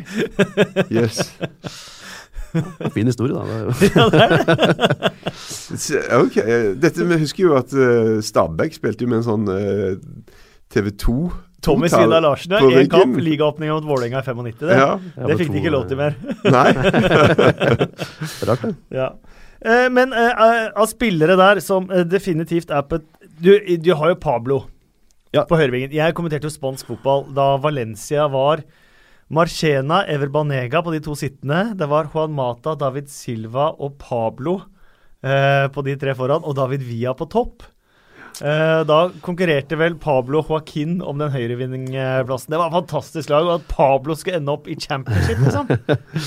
ja, det er jo, han er veldig god. Han, altså, han, er, han, er, han er, vel litt på altså Karrieren hans er vel på vei nedover, selvfølgelig. Han, er, han spiller ikke alle kamper, men han er jo en av de bedre spillerne vi har, selvfølgelig. Samuel Saiz kom fra Eh, ja, hvor var det fra? US Ja, sånn i Segunda ja. før sesongen her. Aldri hørt om han. Han er jo, er jo den beste spilleren i, nesten i championship når han ja, først tar dagen. Det er utrolig gøy å se på han. Men for Leeds sin selv så er det synd at ingen andre er gode, da. Så han må jo gjøre det her aleine. Så, Så um, Men Saiz er ikke purung heller. Han er sånn 26 han er eller sånn. 26, tror. Ja. Han kom vel fra Real Madrid, liksom. mm. Eller hvem spansk spiller som ikke har kommet fra akademiet til Barcelona eller Real Madrid, for så vidt. Men uh, har en historie der, i hvert fall. Eh, I toppen så er Wolverhampton de er så å si klare for eh, Premier League, må vi nesten si på samme måte som Manchester City tar Ja, det- eh, ligaen. det det de leder med tolv poeng. Eh, De rykka opp i juli, de, tror jeg. hæ? De rykka opp i juli. Ja, de gjorde omtrent det. De har altså kinesiske penger og spilleren til José Mendes. Ja. Det er en god kombi. Mm. Ja, det er jo noe kluss der. Det er ikke lov, Mendes har ikke lov til å holde på som han gjør, men han blir jo ikke tatt for det, så da er det jo På hvilken måte? Nei, det er jo det, er- altså det er En av eierne i Fosun har jo en eierandel i, i uh, selskapet til uh, Mendes. Og Mendes Fosun er altså de som eier Wolverhampton. Ja, Fosun Group, ja. Eh, og de bruker bare Mendes som venn og rådgiver. Men det er jo alle spillerne som kommer til Wolves, er jo fra Portugal. Mm. Og mange av dem har ikke agent i det hele tatt. Så, Ja. så det er jo Mendes som Og de andre som har agent, de er fra agenter fra hans selskap. da. Og det er jo liksom når Ruben Neves, som er uh, jaktet av uh, både uh, Juventus, Liverpool og Chelsea og alt, så går han til Wolves. Det er det er ganske rart. En av de største talentene i fotballen, liksom. Nå også signerte spiller som Real Madrid ville ha, for alt i verden. Går til Wolves. Mm. Det er liksom Det er litt rart. Jeg bare Men kan, kan ikke sette er en fingeren på det. sånne, Hvis du begynner å dypdykke bitte litt, se på disse Man City-farmerklubbene Mm. eh, Er det Gir Gironda de har? Girona, ja. Girona, eh, som jo eh, Det har vel bror til Pep Guardiola en eierandel, Mm. tror jeg. Han er 50 tror. Pluss eh, og, og, så og der går det jo en del spillere fram og tilbake. Og den dealen ble vel gjort før Pep Guardiola kom til City. Altså det er en del ting der som ligger i bånn, som eh, hvis du begynner å grave bitte litt, så Man snakker jo om at det var derfor Kevin De Bruyne aldri ble kjøpt til Bayern München også. Uh, fordi kanskje Pep Guardiola visste han skulle til Manchester City ja. etter hvert. At han lot han eh, ligge. Eh, men jeg har litt lyst til å snakke om Wolves eh, med tanke på eh, De plassene bak topp seks er jo litt up for grabs. Og man venter også kanskje på et lag som kan utfordre inn i topp seks. Og om Wolverhampton kan være det laget. I Premier League, tenker du på? Mm. Ja, jeg har jo sagt det at eh, Wolverhampton kunne vært topp ti i Premier League i år, med det laget de har, Ja, sånn som de spiller, liksom. Så altså, eh, Noen spurte er Wolverhampton kanskje nye Brighton som kommer opp og kan, men jeg mener Wolverhampton er mye bedre enn Brighton og mye bedre forutsetninger for å for Uansett om det er noe fishy der, så er Wolverhampton helt sjukt gode. Og Ja. de spillerne som er der nå, det er helt utrolig gøy å se på de.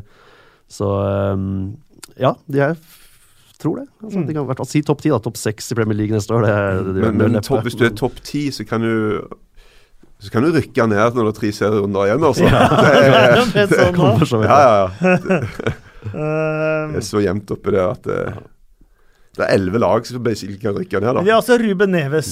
eh, kaptein for Porto i Champions League som 18-åring. Diego Jota fra Atletico Madrid kom først på lån. eh, kjøpt nå eh, permanent eh, Carvalho Nei, Cavaleiro. Eh, Elder Costa. Eh, det, er helt, det er spillere som er på ve høyt Premier League-nivå. Ruddy i mål. Mm. Kan det Nei, være, men, en, eh, kan det være en eh, destination for Renato Sanchez òg, kanskje? Hvis de tenker at eh, han Ja. kan medføre på rett kjøl? For nå har det jo vært eh, så tynt at det er jo vondt å se på. Ja. Det er jo lille Portugal i Wolverhampton nå, så det er jo Men det er jo også det som jeg syns Nuno Espirito Santo er jo manageren. Mm. Dere vet hva det betyr, ikke sant? Espirito Santo? eh, Det kommer vel nå? Hellige ånd. så når du har Hellige ånd som manager, Da, Ja, ligger det bra. da ligger det bra an. Men han har også Ryan Bennett og John Ruddy eh, bak. Eh, han har Conor Cody. ja. Han har også de gode, klassiske kjøttspillerne fra Championship som han har klart å eh, molde Jeg fant ikke et godt norsk ord inn i det laget der, da. Til å bli en sånn seiers, forme, ja. Eh, til å bli en sånn seiersmaskin. da. Så han har gjort en meget imponerende jobb. Vi har sett Ja, ja. nok av klubber som har hatt både penger og spillere uten å lykkes. ja, det er som jeg sa, det er sikkert også, selv om det er noe fishy der, så er det helt utrolig å se på dem. De spiller kjempebra, og de er rett opp i Premier League. Det er ikke noe å lure på engang. Så har du Aston Villa, som Ja. begynte dårlig. Ja, de har seks seire på rad nå. Sju, kanskje? Det er, de, er veldig, de er veldig også på vei opp. ja. Det er liksom Wolverhampton, Villa og Derby som er de Mm. tre lagene. altså Wolverhampton har ikke opp, men eh, Villa og Derby som kjemper om den direkte eh, plassen. da. Men vil, uh, formen til, uh, akkurat nå vil vi jo si at Villa er uh, uh, det laget. Den troppen deres er helt uh, vill. Det er helt sånn championship allstar-lag, nesten. Men altså, det ble jo emosjonelt veldig tøft. Altså, John Terry ville jo ikke gå til et Premier League-lag, for at eh, det ville være så veldig veldig vanskelig å spille mot Chelsea. Eh, så da må jo han gå til et annet championship-lag, han da. Ja, ellers har han et tilbud fra Kina og, øh, og USA, øh, sies det også. Øh, men så kom det jo en stat på Twitter her når de vant jo Second City Derby mot øh, Birmingham. At Ja. uh, det er det største hjemmepublikummet John Terry noen gang har spilt for. Yes. Men jeg gikk og sjekka, det er faktisk ikke det. Men det er bare med et par hundre tilskuersmargin, for Villa Park har jo uh, Kapasiteten er 1000 mer enn Stamford Bridge. Ja. Uh, men det mangla altså 1000 mennesker inne. Det var ikke helt fullt på Villa Park til den matchen. Men det hadde jo vært en Er fantastisk ikke morsom det litt rart, da? Hæ? At det ikke er smekkfullt, eller er det pga. at de holder kapasiteten nede? Det kan vel være det i sånne det risikokamper og sånt noe, ja. At man sånn eh, lager store sikkerhetssoner Mm. og sånt noe, for det, at det er et skikkelig feisty derby. Ja, det må trøkke, det. Ja. og så må vi snakke to ord om Steve Bruce også, med tanke på den uka han uh, har vært uh, gjennom. Han mistet jo faren sin, og har egentlig sittet med moren sin egentlig hele uka. Uh, samtidig som han har prøvd å skjøtte jobben sin. Det ble jo ekstremt emosjonelt, da. Mm. Ja, um, Steve Bruce, altså um, Jeg snakker ikke om faren hans, og alt det der, men jeg, jeg har liksom ikke troa på han som en eh, Premier League-manager heller. Han har brukt veldig lang tid på Villa nå på å få, få laget på rett kjøl. Nå har de jo virkelig fått det, da. Men de har jo kjøpt veldig bra spillere. Men om han skal ta de videre opp i Premier League, det veit jeg ikke. Han kommer ikke til å få sparken hvis det rykker opp, selvfølgelig. Men altså Men må jo gi Tony Shea litt kred, eh, eieren da, i Aston Villa, for å, la han sitte òg etter den fryktelige starten. Ja, ja, absolutt. Um, han er jo en karakter, han er eieren for så vidt, men det kan vi ta en, en egen Ja, jeg kan nevne at han tvitra jo da han tok eh, og kjøpte Aston Villa at de skulle være det dominerende laget i Europa Mm. innen fem år. Ja, er Sterkt. Ja, det er uh, sterkt. Derby, da, med Gary Rowett. Også en fryktelig start. Men han har jo definitivt stabilisert dem, og de har jo også et lag som, som har også en Premier League-kjerne, da. Det er veldig gøy å se Gary Rowett gjøre det så, så bra etter den avskjeden han fikk i Birmingham i, i fjor. Uh, han fikk jo sparken, hadde tatt Birmingham opp på sjuendeplass og ble erstatta av Sola, fordi han, de ville ha et uh, navn. Og det gikk jo veldig bra. Men uh, det gikk jo også rykter om at Rowett takka nei til uh, Stoke-jobben eh, nå. Fordi det var større sjanse for å spille i Premier League med Derby. Og det er fullt mulig. Det er Kjempesterkt lag. Sånn Mm. stabilt, godt lag, på en måte. Ikke noe, ikke noe flashy greier, men nei. Det fins vel ikke én engelsk fotballfan som ikke vil ha Derby opp igjen. Den har vokst opp med Derby på tippekampen og Derby oppi der. og Roy McFarlane eh, fra lengetiden og så fram til nå med, med Derby. Det, det blir jo et herlig gjensyn, Selv om jeg selvfølgelig skulle ønske at det var på baseball ground. Men, uh, for det, den generiske stadion de har nå, er ikke veldig sjarmerende. Men fantastisk å få Derby opp igjen hvis det skjer, da. Men var det Derby som var så ekstremt dårlige i sin siste Premier League-sesong? Elleve Ja. poeng, én seier! Ja, det er altså Mer stusslig enn det blir det jo ikke. Nei, det gjør det ikke. Og Kim Il-jung, eh, Billy Davis som uh, manager der også. Ja. Men jeg så han Jill Barnes, som liksom var deres store liksom, up and coming stjerne, skåra et fantastisk mål nå i MLS forrige helg. Jaha. Ja. Uh, en sånn flikk opp i lengste kryss. Det var en kjempeavsporing. uh, men, uh, men Derby hadde vært fint. Men så har du da Fullham. Mange har de på rad. De hadde vel fem eller seks før de spilte uavgjort nå. Ja, de hadde også ganske treig start i år. Da. De var jo Mm. veldig gode i fjor. Eh, Jeg trodde egentlig de skulle rykke opp via playoff, men det gjorde de jo ikke. Eh, men nå er det på femteplass igjen. Jokanovic har jeg veldig tro på, må jeg Ja. si. Veldig spennende manager, det, altså. Eh, han var jo ryktet til Leeds av Leeds-supporterne, for sikkert. Men, men det hadde jo aldri skjedd. Han har det godt i Fulham, og han vil ha de opp, eller være med de opp. Så det, Stefan Johansen spiller jo fast og veldig godt på laget. Veldig godt òg. Den skåringa hadde forrige helg, var jo løpet over hele banen før han satte den i mål. Ja, han har vært helt rå på Fulham egentlig begge disse sesongene, så eh, det er gøy å se. Hadde stolpeskudd helt på slutten mot Bolten òg, som hadde sikret uh, seieren. Ja. Uh, De har jo også han som jeg har sett nevnt på Twitter her. nettopp han må vi snakke om. Ja. Ryan Sessegnon, han er født på 2000-tallet. Han debuterte vel som 16-17-åring i fjor. Og har liksom spilt relativt fast på laget der nå. Han er helt uh, sjukt god. Uh, Wingback var det egentlig han spiller med Wing nå, tror jeg. Skårer masse mål Ja, i tillegg. skårer masse mål. og Premier League-lagene sikler jo på han daglig. Så jeg tror noen som spurte om han skulle Vi ser han i Premier League med eller uten Fulham. Så jeg tror vel eh, kanskje Fulham kan eh, har jo muligheten til å rykke opp, selvfølgelig. Men eh, nå tror jeg han blir kjøpt opp snart. Nå har han signert ny kontrakt, vil, vil være der liksom spiller seg til fast lag i championship, som jeg syns for så vidt er lurt. Men uh, tipper Tottenham eller noe sånt tar og henter Han er ham, eh, perfekte signering for Tottenham. Ja, det var jo veldig rykter om han eh, Ja. i fjor sommer, da. Om at Ja. han skulle komme. Så det var et eller annet rør der. Jeg vet ikke helt hva som skjedde, men uh, ble vi aldri helt enige. Han er vel Så- født i Fulham, Cezinio. Har vel spilt i Fulham siden han kunne gå på beina, tror jeg. Mm.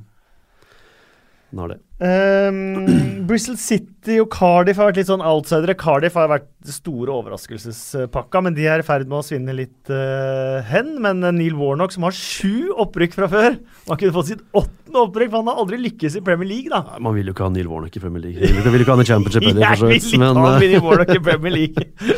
Men nei, jeg tror ikke Cardiff kommer til å Eller det har jeg sagt nå siden, de, siden august. De kommer ikke til å holde seg der oppe, men de har holdt seg der oppe. da. De er på fjerdeplass nå. Så um, Jeg tror ikke at eh, Pep Guardiola håper at Cardiff rykker. Det tror ikke jeg heller. Eh, det var en fryktelig episode med Joe Bennett og Leroy Sané der. Men eh, jeg digga jo den eh, kommentaren til Neil Warnock da han fikk sparken i QPR. I take the full responsibility for, for the position the club is in. Premier League. Eh, og så er det Bristol City, som har sjarmert så mange, men som uh, cupformen har vel gått litt utover ligaformen, skal vi si det? Ja, veldig gøy lag, altså. Det, de var jo forferdelige i fjor. Det var, alle trodde jo Lee Johnson skulle få sparken, men han fikk eh, sitte og har nå tatt de opp på playoff-plass. De har ligget opp på, helt opp på andreplass uh, til tider, men det, er ikke noe, det er ikke godt nok lag til å spille playoff, eller i hvert fall ikke rykke opp. Så um, Men det kan bli en gøy playoff. Det kan det bli. Det kan bli en fantastisk playoff. Ja. Også, eh, bare sånn, hvis, ingen har, hvis det er noen som hører på podkast som ikke har fått med seg Bristol City sin Twitter-konto, ja, og giffene de har når de scorer, så bare følg Bristol City på Twitter. det er helt utrolig hva de holder på med det. Men eh, det, er, det er gøy å se. Men tror du kanskje eh, at eh, dette er en spore for å score mer for spillerne? For å få liksom giffen sin? Nei. jeg tror ikke det, altså. Kanskje er det til og med en spore for økt egoisme. At når de har mulighet til å sentre til en annen, så tar de en sjanse på å skyte fra veldig skrått hold for å få giffen sin, som du vil kalle det. Men eh, nei, jeg tror det er andre ting som driver fotballspillere. Men det er gøy. Det er jo stas at en, noen greier å finne på et eller annet som, som mange andre som holder med helt andre lag, òg syns er stas. Eh, Gøy å følge det. Men vi må snakke to ord om Aiden Flint òg. Han hadde 14 ligamål en sesong uten å ta straffer eller noe. Han hadde hat trick i én match. Eh, hadde seks ligamål forrige sesong. Har vel sju denne sesongen Ja. her. Han skårer vilt med mål av midtstopper. Han er god. Han er veldig god. Han er diger. Han er jo to meter høy og to meter brei. Um, så eh, nei, det er helt eh, sprøtt. Han skårer så mye mål. Andre spillere i eh, championship som vi burde nevne, Andreas? Ja, det er masse James Madison, James Madison, James Madison. Ingen på Norwich, tror jeg, men uh, Nei, Madison er selvfølgelig uh, veldig god. Men vant ikke eh, Martin Samuelsen noen match her? Ja, Martin Samuelsen. og jeg Burton spilte 0-0 mot Ipswich. 0-0 var det, ja. Det er bra. For de to første kampene hans endte vel med 0-5 mot Fulham, tror jeg, og 1-4 mot Reading, eller noe sånt. Ja. Mm. Så, men det er jo 0-0 mot Ipswich er jo bra for det laget. Det er meget bra, borte Ja. mot Ipswich. Vi kan prate to skudd om Ipswich òg, for at Mick McCarthy har jo nå vært eh, frontrunner for den Barnsley-jobben. Ja. Han har vært fem år i Ipswich, og spør du meg, så har han gjort en fantastisk god jobb. Eh, for han har vel fortsatt ligger under 500 000 pund totalt i det han har brukt på spillere. Ja. Eh, så han har jo hatt null penger å bruke. Eh, likevel stabilisert laget, men det er ganske trist den der Ipswich-statistikken nå, hvor de er vel sammenhengende nesten 20 år i championship.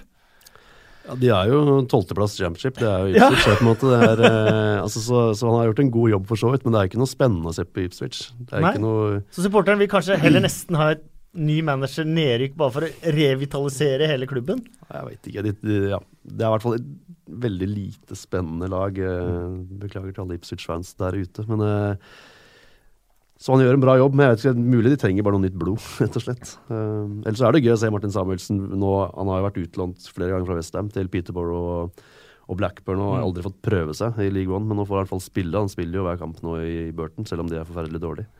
Men de henger med, Burton, og det er ganske imponerende. De er en stadion som tar 5000 tilskuere eller et eller annet. De, de hører hjemme på et helt annet nivå. Og de har aldri vært så høyt oppe tidligere i hele klubbhistorien. Nei, jeg var faktisk i Burton i fjor og så Burton Birmingham. Det tar vel 6000, tror jeg, den Ja. ja. Pirelli Stadium. Så det er jo utrolig gøy å, å se at de klarer seg der. Og at de klarte seg i fjor, var på en måte var moro. på en måte. Selv om jeg ikke har noen følelse for laget, så var det bare gøy å se at den lille klubben klarte å holde seg. Og så har de jo Nigel Clough da, som Ja. eh, manager. Det er jo Han kjenner du. Eh, ja. Kan jeg ta en, uh, kan jeg ta en digresjon? ja, gjør det. Nå sitter jeg med Åpner jeg opp uh, TV2-appen her, Sport, og da er det Liam Brady som er ute og forteller Han har bursdag i dag. I- Oi, det òg. Ja. Eh, han, eh, han forteller hvorfor eh, Han var akademisjef i Arsenal når eh, Harry Kane var der. Og han forteller hvorfor Harry Kane ble sendt på dør. Eh, og det er bare ett ord her, og det er lubben.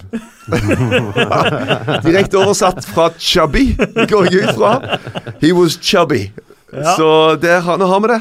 ja. De syntes han var lubben, og dermed så var det på hodet ut. Så det kan de nok angre litt på. Skal vi si gratulerer med 68-årsdagen til Liam Brady, eller? Nei Fin okay. spiller, da. Vi får si det. Ja, får si han det. var jo kjempebra. Tror du nå at jeg har Ja. alle bursdager inni hodet? Ja.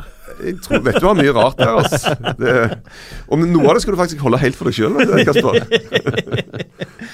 Eh, noen andre spillere som burde nevnes i denne sammenhengen. Vi har et par nordmenn i Hull, eh, en i Norwich.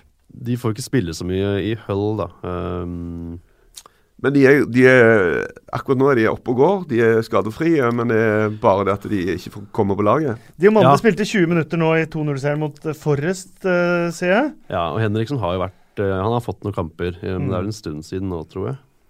Uh, men Hull er jo også et av de lagene som har skuffa veldig i år. da. Hull og Sunderland er jo De kan ta dobbelt nedrykk, de, altså. Og ja, Sunderland må jo nevne eh, Bristol City leda 3-0 til pause Ja, mot er Sunderland i helga. Eh, Sunderland var døde og begravet, og så ble det Bristanbull, tror jeg de kaller det nå. For de henta inn til 3-3. Uh, helt vilt, da. Ja, det er bra gjort, ass. Det er sånn skal snu en sesong, er det ikke det? Jo, det er i hvert fall uh, Den mest berømte er vel uh, denne Champions League-greia. da. Vi har jo sett det før, eh, sånn sett, med, med Liverpool den gang. Så, men det, det er veldig sjelden. Altså Rent statistisk så er det bare en mikroskopisk sjanse for å greie å gjøre noe sånt som det der. altså. Ja, to selvmål av Bristol City. ja. Ja, de var litt klønete altså. Men Lee Johnson jeg synes jo Lee Johnson er innmari fin i, etter eh, manageren, etter kampen. Så sa han at dette er fullt på min kappe. Eh, vi gikk for å få et fjerde mål, isteden skulle jeg bare shore it up. Eh, Jeg sviktet i mine oppgaver, rett og slett. Eh, og da endte det sånn. Nå skal det sies at Bristol City nok ble snytt for et straffespark på 3-2 på slutten der også, da. Eh, så litt medvind hadde Sunderland, men de scenene i bortesvingen der var jo eh, Det er jo det man lever for i fotballen. Det er det, men Sunderland ser forferdelig ut i år, altså. Det er, Det er ikke mye de har hatt å juble for. Altså, I mange sesonger. altså. Og så eh, nå så eh, Ja ja, en tar det en får, da. En tar det man får. Uh, Nottingham Forest kjøpte ti spillere på deadline day. De. Eh, de har slått Wolves, men de har tapt alle de andre under Aitor Karanka. Han starta jo med, han starta vel med å slå Wolves, tror jeg, og så har han tapt resten. Eh, Nottingham er også et lag jeg eh, gjerne skulle sett i Premier League. For For er et gammelt lag jeg alltid forbinder med toppserien der. Men det er også noe gærent der. Et eller Mm. annet sånn, De får det ikke til. De fikk vel ny eier nå i sommer, tror jeg. Og det var de veldig fornøyde med. Ja, En sånn korrupt grøker. Så det er jo kjempebra. Eh, men eh, men eh, Kan vi sitere deg på det, eller? Å nei, det dette går jo ut uansett, ja. Skal bare skifte adresse og hemmelighet. Neida, men eh, altså De har mye bra spillere. Masse veldig godt uh, Han Gary Brazil er det vel som styrer ungdomsavdelingen der, som har vært sånn caretaker innimellom. Han eh, gjør en veldig bra jobb og har fått opp masse bra, bra unge Ben spillere. Brereton, apropos. Ja. Spillere vi kan se i Premier League med det første uten Forrest. Ja, absolutt. Eh, Oliver Burke var kjempegod i fjor. Han gikk til um, uh, Red Bull Leipzig, ja. Leipzig. Rasenball heter det. Rasenball, ikke Red Bull. Beklager. Men eh, han funka jo ikke der, da. Eh, jeg trodde treneren sa han var litt dum i hodet, faktisk. Så han gikk til West, West Bromwich nå Det var trist å se han i går, faktisk. eh, Fordi at jeg husker han Nottingham Forest. Han var Ja. magisk. Da var han. Champions League, beste spiller Ja, by far. Eh, og og i, i, på Stamford Bridge han spilte en hel omgang helt uten selvtillit. Sånn Mm. fullstendig uten selvtillit. Og det var nesten så jeg ble litt lei meg. Ja, jeg tror han ble litt ødelagt i Tyskland der, egentlig. Fikk Mm. ikke spille og ble bare hersa med. Men Ja, hvis du eh, blir kalt for dum, så gjør det noe med deg. jeg har blitt kalt dum hele livet. Jeg lever lykkelig for det. Men du har blitt kalt dum og deilig. Det er noe helt annet.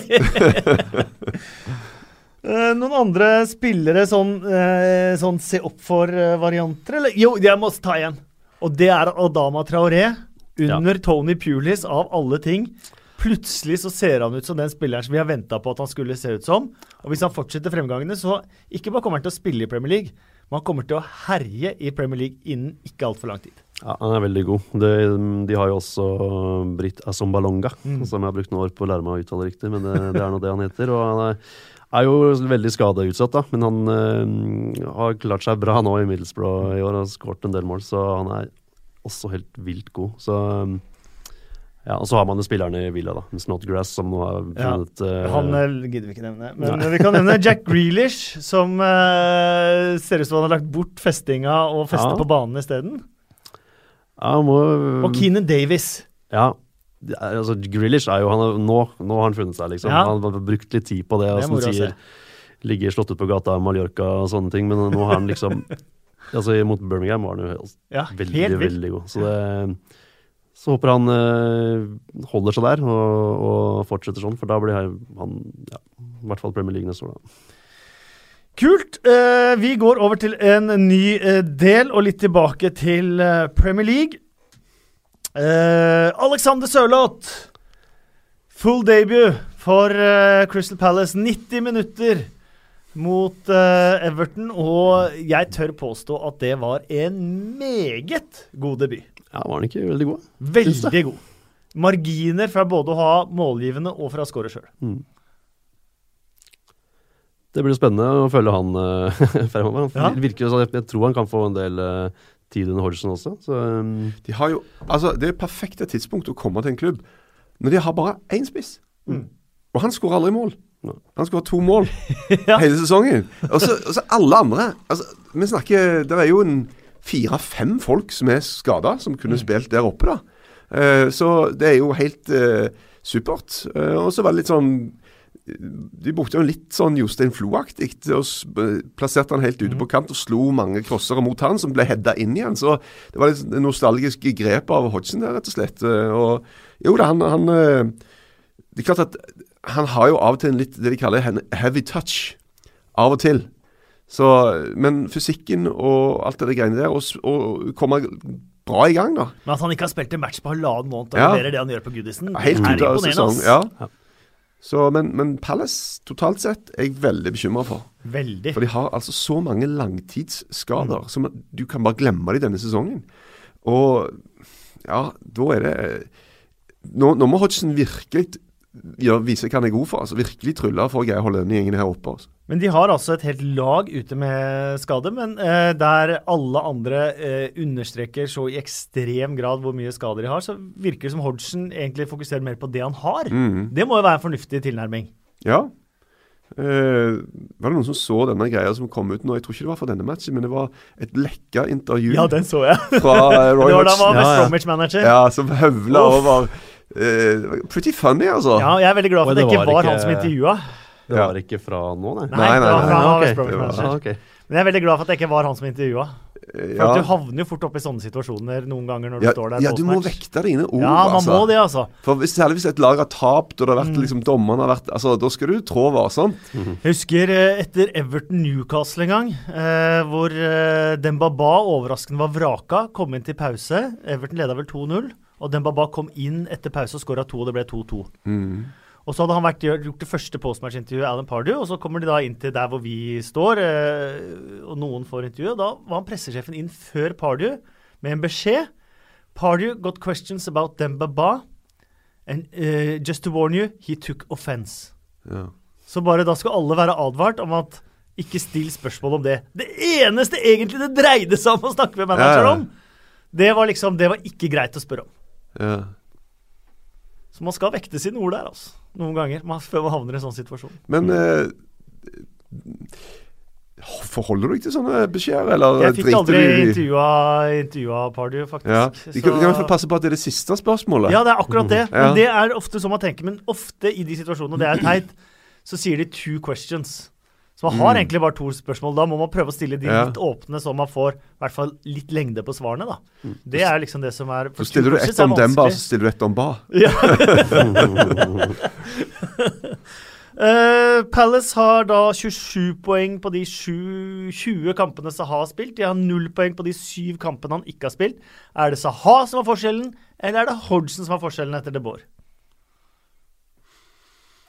Eh, at Hodgson har fått sving på det eh, Det var jo skandale i De Boer-sparken etter eh, fire matcher. da. Ja. Det er jo helt sinnssvakt. Men det, det som er litt uroende, da, er at Hodgson har fått orden på det. De har blitt mye bedre, og så har han blitt totalt ribba for spillere. og Nå peker pila motsatt vei. Og han får ikke de spillerne tilbake, veldig mange av de i hvert fall, denne sesongen. Så de, de er bare rett og slett ikke et strålende godt fotballag. Og, og Benteke og Sørloth er jo to relativt like spillere på et vis. Altså De er sånn fysiske, gode på hodet. Eh, men Saha har jo en helt, helt annen dimensjon, da.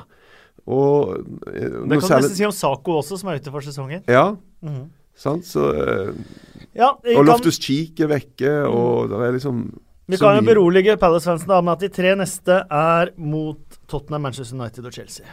Så Ja. Det går bra. det går bra. uh, Stoke Brighton um, ble 1-1. Stoke fikk straffe på slutten. Uh, Charlie Adam skjønte at Hesse hadde lyst til å ta den straffa, så han løp omtrent opp på tribuna for å hente ballen.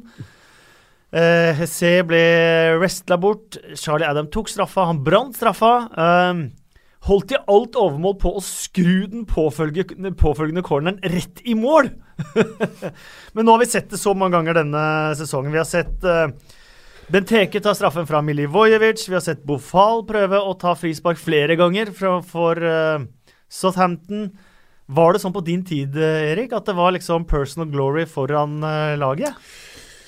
Nei, Jeg kan ikke huske at det var noen sånne issues, altså. Eh, Det bør jo være såpass uh, disiplinert lag at de tingene der er ganske avklart. Nå sendte vel uh, Hesse ut en sånn uh, slags forklaring, da. Han har jo Han har hatt jo vært gjennom veldig tøffe tider Ja. personlig, og det skal man ha full respekt for, altså. Ja. Men allikevel. Ja, det er ikke bra, og det setter jo et ekstra press på han som skal ta straffen.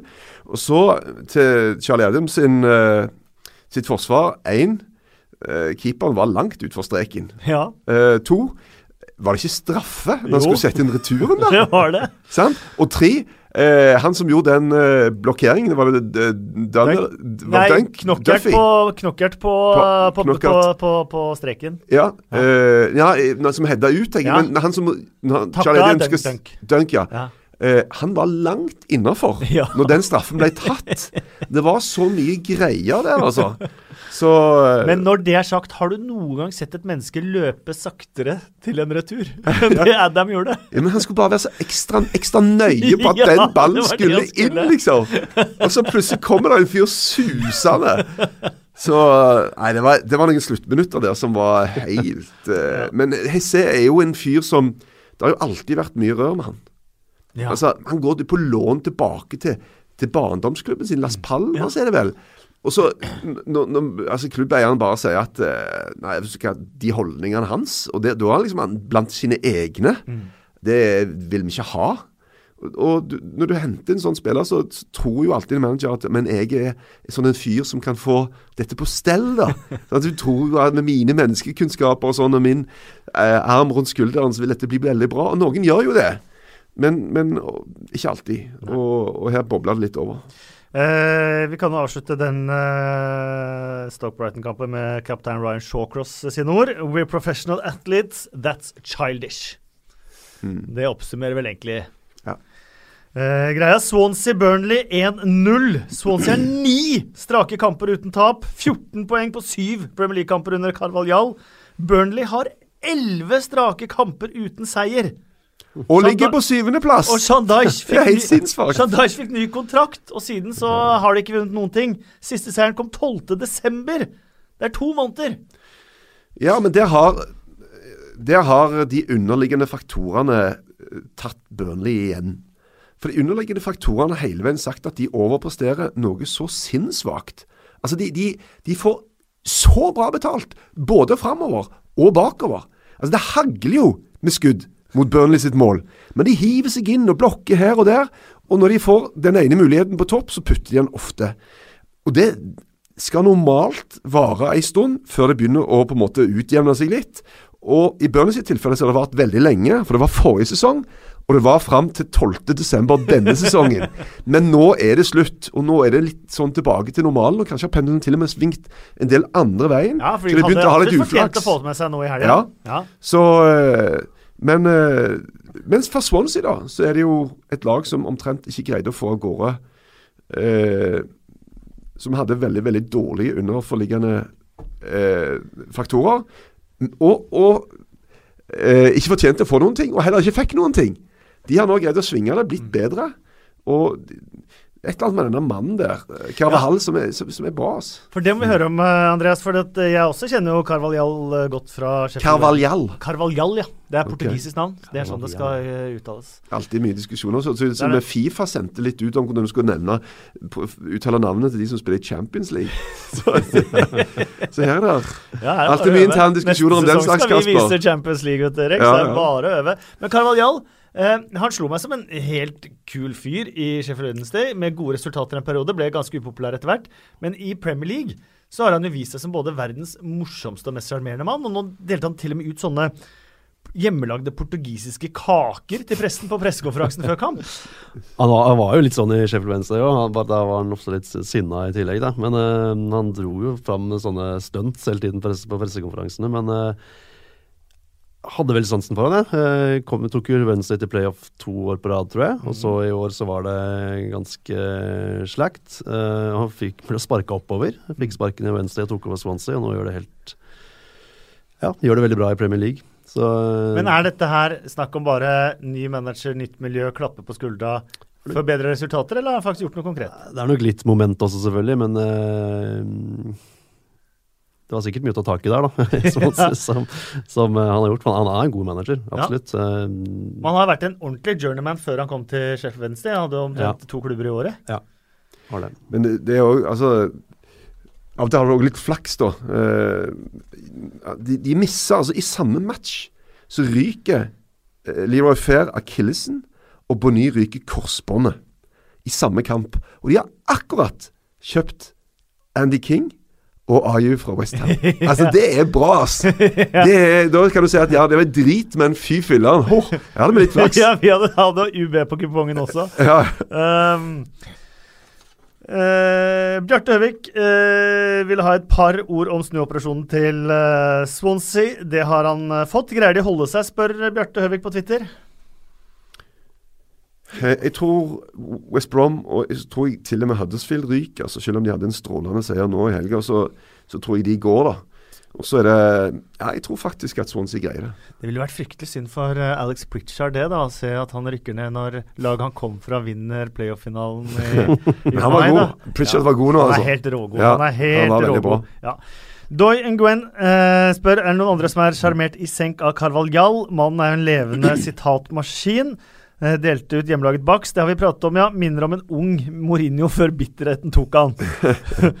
Eh, melder inn en kandidat til blomst også, Kyle Walker, som eier 80% av 3-1-målet til Manchester City uten å røre ballen. Det er jeg for så vidt eh, enig i. Westham mot Watford. Chicharito har nå skåret i sine to siste kamper. Tre mål på de fire siste ligakampene. Arnatovic, som ikke vel hadde et målpoeng før eh, David Moyes kom, eh, har nå sju mål og tre målgivende på sine ni siste kamper. Tilbake nå også var helt briljant! Men han spiller jo i en mye friere rolle under Moyes, uh, føler jeg. Var mer plassert ute på kanten i starten av sesongen under Bilic. Nå får han spille på topp, eller hvor egentlig han vil selv, og ser ut som han stortrives med det. Ja, Det er lett å være kritisk til Moyes, men et eller annet har han jo gjort i forhold til denne litt kompliserte psyken som jeg tror Arnautovic har. Han er jo ganske rar, eh, rart skrudd sammen. Altså. Men det nivået han har holdt nå, er jo eh, smått sensasjonelt. Altså. Da er han rett og slett et beast. Fullstendig. altså. Sånn Zlatan Light. Ja, virkelig. Og det, det må vi gi eh, Og den seieren her var dritviktig, altså. For Westham kunne fort ha havna videre ned i det. Uh, selve målet snakket om at han var under press. Nå igjen. Altså, etter å ha starta ve veldig dårlig, gjort det bra, og så nå har det gått litt trådere. Så, uh, men, men, med dette her, de, de tre poengene der, de hjalp veldig godt på oss. Uh, du som gammel keeper, skal vi bare nevne Joe Hart med et par ord? Ja, hele den engelske landslagskeepergreia er jo litt sånn Hvem i huleste skal stå i mål for England under VM? Han som slipper inn flest mål i ligaen. Ja, altså, eller han som sitter på benken. Det er jo helt uh, Han som er skada i Burnley. Han nye som har kommet inn i Burnley. Altså, det er jo helt uh, og tenker at Når du drar til VM, så må, må du i hvert fall ha en bra keeper. Scott Altså, Carson blir jo nevnt som alternativ Ja, nå i. Derby. Så Ja. men mener han er den beste keeperen. Ja, det, men han eh, hadde vel en eh, match mot Kroatia på Wembley, som var en avgjørende Scott Carson, ja, den umbrella-kampen til Ja. Steve McLaren. Uff Ja. meg. Det var Slaven Bilic, for å dra Westham-linken. ja, sant. Så eh, Nei, men her er det jo bare fritt fram, altså. Jeg husker jeg kommenterte uh, uh, Han ble jo kalt uh, Wally with the Brolly, han eh, Steve McLaren, etter den kampen mot Kroatia, som de tapte 2-3 på Wembley. Steve McLaren sto under en paraply hele kampen. Eh, mens Slaven Biller sto omtrent med åpen skjorte i regnværet og dirigerte sine tropper. Han ble veldig hunsa etter det, Steve McLaren. Jeg kommenterte Derby uh, QPR i playoff-finalen på Wembley. Uh, og tenkte at jeg skulle gjøre et poeng av Steve McLaren første gang på Wembley igjen, for McLaren var jo da Derby-manager. Og tok jo da min sånn pre-match eh, hvor jeg skulle stå og rapportere fra Wembley med en paraply. Og idet jeg sto der klar til liksom å gå på luft, tenkte jeg tenk å si McLaren kommer nå. Ja, ja sant. Uff! Det var en fryktelig følelse, men han kom heldigvis ikke inn til oppvarminga. Den Ja. Det var et poeng, det er du enig i, Erik? Ja, ja, definitivt. Det er jo en, bra, en kul greie å gjøre. Men det er som du sier, vi har jo, vi har jo lov til å si litt og gjøre litt sånn frekke ting pga. distanse, da. Mm. På grunn av at vi snakker om noe som skjer i et annet land, og vi holder på. Men når du plutselig får det midt i trynet, sånn Ja. som dette er, da, så er det plutselig noe helt annet. For det er jo folk med følelser og, og, og som jo ikke syns dette er superstas, da. Og den behandlingen Steve McLaren fikk Vi har snakka om Graham Taylor og Turnip og alt mulig, men den behandlinga Steve McLaren fikk, var omtrent verre. Mm. Jeg husker jeg leste i en av de engelske avisene, en av de verste kjipe. De spilte 0-0 mot Israel. Og så i den kronikken, da, som eh, jeg vet ikke om det er sportsredaktøren i den avisen eller et eller annet som skrev, så skrev han altså eh, at Steve McLaren kom for seint til pressekonferanse, og mens vi satt og ventet på McLaren, hørte vi et smell. And we all hoped he had done the honorable thing. Tenk deg det! Ja, ja. Tenk deg det! ja det, er, det er ganske heavy, Det altså. er faktisk altså så drøyt Mm. at det er så langt på siden. Ja, det, sånne ting sånn, altså Hodgson, da, som jo fikk hele sin enorme trenerkarriere lagt i grus på én match Ja. mot Island. Og Derfor betyr det så mye for han å holde Palace oppe, da. For det handler òg om hans person hans renommé. Og, og det å så, så kjipt å tape for Allardyce, som har da blitt på hemmelig opptak driti driter han ut og slenge dritt, og så, så taper du kampen mot de i tillegg, da. Det er så mange sånne personlige greier involvert altså, som du må prøve å heve deg over, men ofte er det ganske vanskelig. Faste spalter. eh, nå, dere har jo ikke hørt Bill Edgar-factsen ennå, så nå kan eh, dere velge om dere vil dele ut blomster og kaktuser og sånn først, eller om dere vil høre Bill Edgar først. Jeg tror vi tar, hopper på Vi går på Edgars. Vi går på Edgar. Ja, ja. Da kan vi begynne. Arsenals syv siste. Aldri skjedd. Første gang siden er den sjette spilleren. Fun factsene til Bill Edgar. Uh, Ki Sung-jung, som ble matchvinner for Swansea, fra Sør-Korea, er den første til å skåre i Premier League mens landet har vinter-OL, siden Jan Åge Fjørtoft for Swindon mot Manchester City i 1994. ja den er fin. Oi. Den er god. Ja, den er god. Den er veldig god. Ja, den er god. Den er bare å ta med seg på puben til helga. Da har du både en OL og en eh, Premier League-fun fact å briljere med. Sterkt. Eh, Sergio Aguero er den første til å skåre fire eller flere mål i tre kamper i den øverste divisjonen siden Ian Rush mellom 1982 og 1984. Han er også den første til å skåre fire strake mål i samme kamp, altså at ingen har skåra noen imellom, siden Ole Gunnar Solskjær mot Nottingham Forest i 99. Hmm. Mye norske er referanser norske greier. Ja. Altså.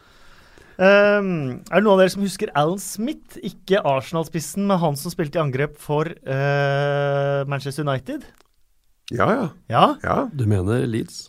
Og Ja, Leeds. og Leeds, ja. Og Leeds. Og Eh, Leeds. altså, det var Ja. ikke det. Endte ikke han i Newcastle òg jo, Newcastle har spilt. Nå spiller han faktisk i Notts County. Har 13 kamper eh, denne ja. sesongen, men har, har spilt mer midtbane for Milton Keanes og Notts County og sånn enn en, enn- enn angrep, da. Hvor gammel er han, da? Han er vel noen og 30, og yngre enn oss. Noen, ja, men han må jo Nei, være eldre enn meg. Han tror ikke ikke det. Tror han er nærmere Ja, han er ikke 40. Men han er nok en sånn 6, mellom 6 og 38 der, ja. ja. Eh, men vi, uh, nå vet alle hvem eh, Alan Smith er. Uh, Aguero skåret altså flere på én omgang i helga enn Alan Smith har gjort på sine 252 siste ligakamper. 83 av dem som innbytter. Oi. Uff da. Det er litt uff, da. Um, Manchester City de kan være ligamester allerede før utgangen av mars, om resultatene går deres vei. Det vil i så fall være første gang siden Preston i 90. 1890. Oi. Oi sann. Tottenham har spilt tre strake kamper mot Englands tre mest suksessrike lag gjennom tidene. Manchester United, Liverpool og Arsenal, og har to seire og én uavgjort. Det er en prestasjon ingen har klart siden Norwich i 1983. Eh, Arsenal er på skjema nå til å havne 38 poeng bak ligamesteren. De har ikke vært like mange poeng bak ligamesteren siden 1912-13-sesongen. Det er ganske sjukt, det òg. De har vært oppe nå siden 1919, hvis ikke jeg tar helt feil. Mm. Uh, Arsenal tapte på Wembley uten å skåre mål for første gang siden de ble slått av Liverpool 1-0 i Charity Shield i 1989. 31 kamper siden er det. Eh, og den siste her nå uh, Kun seks lag i Premier League har positiv målforskjell. Det er færrest antall lag siden 94-95-sesongen. 1894-95-sesongen! og da var det kun 16 lag i den øverste divisjonen. Levde Bill Edgar opp til forventningene? Ja. Definitivt. Ja, gjorde det. Ja, ja, ja. Ja, den var fin. Du hadde heipa det voldsomt, men uh, det traff, litt. Ja, det gjorde det. Det var moro å se på. Morata var kjempegod. Hva i all verden? Er. Han snakka ikke om seg sjæl, han snakka om dommeren. Eh, blomsterbukett. Hvor, eh, hvor er vi der? På runden?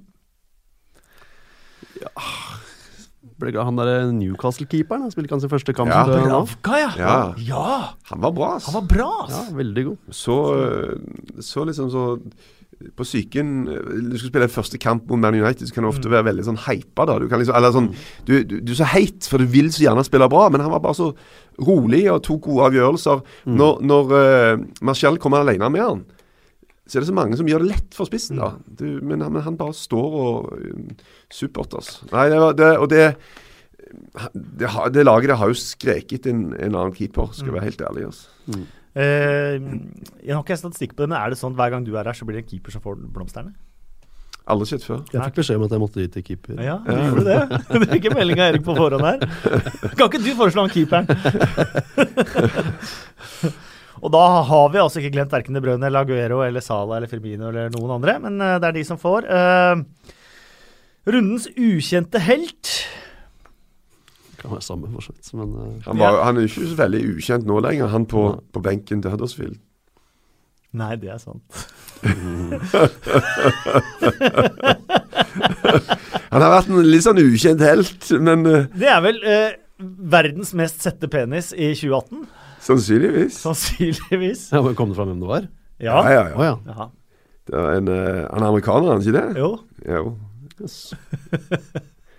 Så, og det der er jo Det synes jeg har vært løye hvis hvordan klubben handler det. For dette er jo, hvis du sier litt brutalt, det er jo blotting. Ja. Altså, det er blotting, altså. Ja, ja. Eh, og, Og han er på et sted det er 30 000 mennesker rundt. ja, og i tillegg er det mange millioner som ser på. Ja. Så, eh, men samtidig, de vinner 4-1, og det er lytterglede, og alt er kos. Og det er jo fotballmiljø og bla, bla. Men ler de internt, eller gir han en straff, eller hva, hva skjer, liksom? Jeg må innrømme at jeg eh, la ikke merke til under kampen. Eh, og jeg eh, fikk da klipp tilsendt på Twitter, og jeg trodde jeg skulle se et eller annet på Wagner. Jeg. Så jeg så klippet sikkert fire ganger før jeg så egentlig hva som foregikk i bakgrunnen. Ja. Eh, men da så jeg det.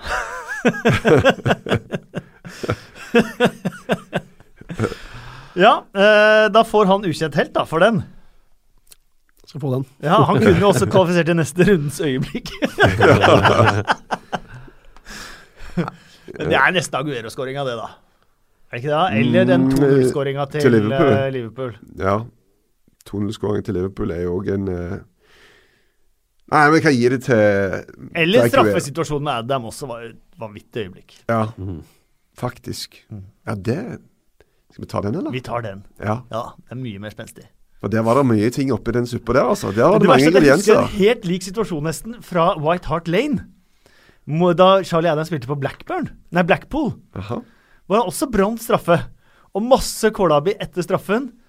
Eh, og ny corner med Nå holdt jo han på å skru denne corneren inn nå, og Ja. det gjorde han jo da òg. Så det ble ny sånn kalabalik, og Blackpool fikk enda en straffe på White Hart Lane, og da satte Adam den.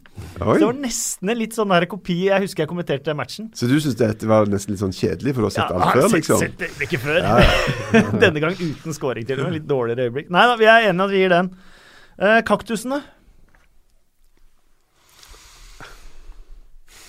Smalling-filminga er jo god. Den er, det er en veldig god kandidat. Enig. Uh, Allardyce, som aldri har sagt unnskyld til Hodgson. da. Jo, han hadde ringt han på torsdag. Han fikk bare ikke tak i. Nei, nei, han eh, kom gjennom på torsdag. På to Ja, ja. det halvannet Kom gjennom på torsdag, så da hadde de skværa opp før matchen, faktisk. Ok. Så, men denne er jo patetisk. Hun kommer sånn I didn't get through. Ja. Det er kaktus. Ja, vet du hva. Ja. Det er det faktisk. Det er det faktisk. Vi tar en runde på Twitter før dere skal få fem kjappe spørsmål som skal svares uten betenkningstid. Christo vi, er jo på Twitter, da. 2PLpod heter vi på Twitter, og du kan bruke hashtaggen 2PLpod eh, også. Eh, så følg oss eh, der. Kom med dine tilbakemeldinger på episoden. Blir vi også veldig glad for. Da kommer de kanskje med i neste podkast.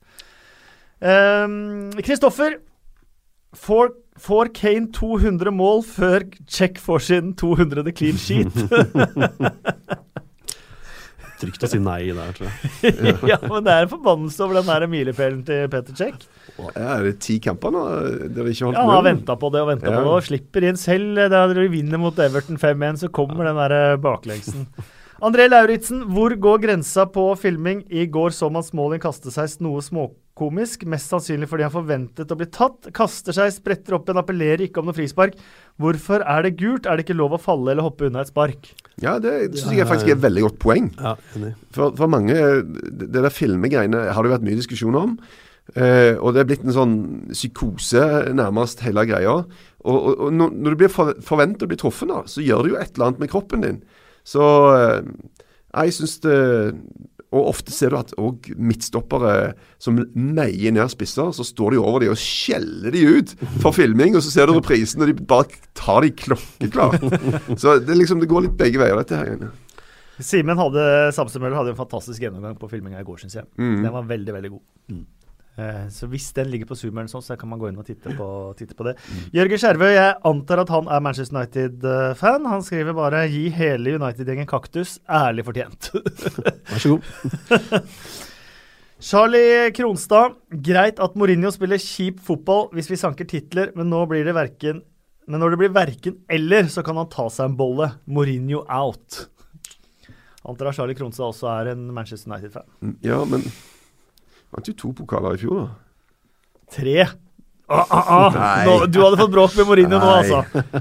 Hadde du, hvis du hadde stått på lagbildet etter Europaligafinalen, og Mourinho hadde kommet og løpt til dem med tre fingre hver og sagt du skulle holde opp tre fingre, hadde du gjort det? Eh, men altså du, Ja eller nei? Eh, nei. Til og med Zlatan hørte på sjefen, da. Ja. ja. Det var tre! Det var tre! ja. Uh, Marius Grastveit, jeg tenker kanskje enda mer på seks millioner i ukelønn-saken når det kommer til eh, Alexis Sanchez, for dette er vel i stor grad avkreftet. Til tross for dette synes det fortsatt synes det fortsatt å være en sannhet journalister refererer til. Han tjener like mye som Øzil gjør nå i Arsenal. God, god podkast for øvrig. Det der er jo ingen som vet. Nei. Det, det er bare, altså, det, må, ingen må tro på noen av disse tallene som fyker rundt. Men én ting er i hvert fall banna bein. Sanchez tjener utrolig mye i Arsenal. Han satt med alle kort på hånda. Nei, i, i, i Man United, sorry. Eh, og han tjener absurd mye penger. Og jeg vet ikke hvem som tjener mest. Og mye av de greiene som fyr, Og, og så er det jo en PR-krig. Eh, De holder på fram og tilbake. og så Nei, denne lekkasjen kom fra City, og det er bare tull, og bla, bla, bla. Vi vet ikke. Vi vet bare de tjener mye. Mikael Nordtømme, har man noen gang hatt så mange ville kamper, så mange ville mål og så mange ville prestasjoner i Premier League en sesong? Litt over halvveis. Nå er det bare å håpe City kollapser for å lage litt spenning. Joakim Martin Thorsvik, når dere snakker om en kamp før den starter, opplever jeg det stort sett som dere prøver å selge kampen til potensielle seere. Stemmer dette, eller er bare deres forventninger skyhøye? Vi må vel si at vi prøver å selge òg. Eh, vi jobber jo med dette her òg for at vi syns det er stas og vi gleder oss. Men eh, det er jo eh, Vi prøver å få opp stemningen generelt og glede, og dette blir fint. Ja, men så Men er det jo også sånn, man har jo også en Ja, enorm spenning foran noen kamper. men det er klart at av og til Det, det som er fint denne sesongen, er at den, mange av disse toppkampene har vært gode. da. Ofte syns jeg vi har hypa toppkamper så sinnssvakt. Mm. Og så er problemet at de har vært så dårlige kamper. da, Og da sitter en igjen med litt sånn Sånn, emmen Ja, følelse ja, ja. i munnen. Altså. Så, men nå har de levert. Det er jo kjempestas. Mm. Geir Isaksen, takk for fine podkaster. Gleder meg. Eh, Erik Torstvedt, som er den nye statsguruen, kom vel med noen fete analyser. Finnes det en telepatistatistikk? Tenker på Bobby og Mo. altså Firmino og Sala. Ja, jeg så noen Det var en eller annen disse nettsidene som har eh, Som rangerer spillere. Lurer på om det er Husgård eller et eller annet sånt. Som hadde en, eh, en greie som gikk på konsentrasjon. Og det var noen som kom med en sånn Ja, rent statistisk, hvordan måler du det? Det var sånn Konsentrasjon? Ja, hva Så telepati bør jo være en Altså, du kan jo måle hvor ofte de spiller til hverandre. Morata, for Ja, hvor de spiller uten å faktisk å se opp. Mm. Det kan jo vært en kul greie å ha gjort, faktisk. Og Der sitter jo folk og driver og utvikler nye ting hele veien. Så det får den, Vi det neste det. X, XT. Det betyr expected telepathy.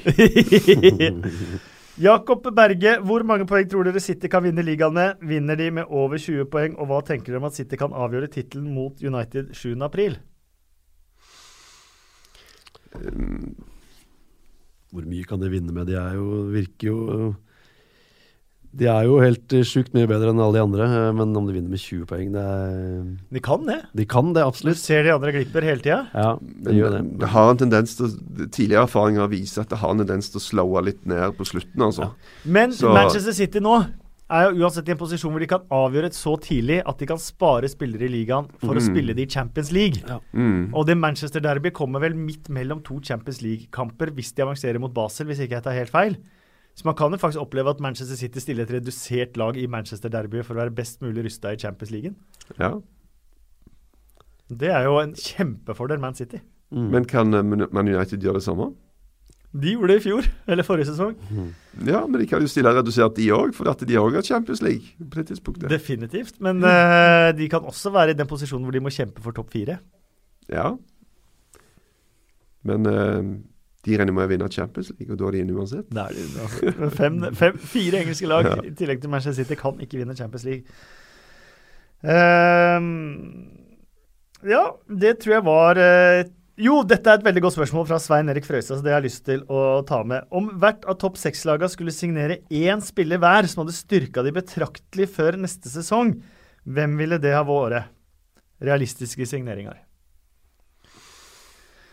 Det er jo en interessant tanke, det, da, for det er jo ekstremt vanskelig å kjøpe spillere som forsterker i alle disse lagene. Men skal jeg si Liverpool, så har sagt Eller Arsenal, Thomas LeMar. Eller da sier jeg det til Liverpool. Nei, begge de to trenger egentlig defensive forsterkninger òg, vet du. Mm. Liverpool skulle kjøpt han der Keita, tror jeg. Fra Ja, han hadde Rasenball. vært bra. det er et spennende Så- spørsmål, det. Ja, det er det. For det, så du sier, det er liksom greia er at de beste lagene er veldig, veldig veldig vanskelig å forsterke. Mm. Du kan bygge ut troppen og sånne ting, men eh, Og de har vist seg, og de har kjøpt sånn som Bernardo Silva, årets uh, Ja. sensasjon i Liga og Champions League for Monaco.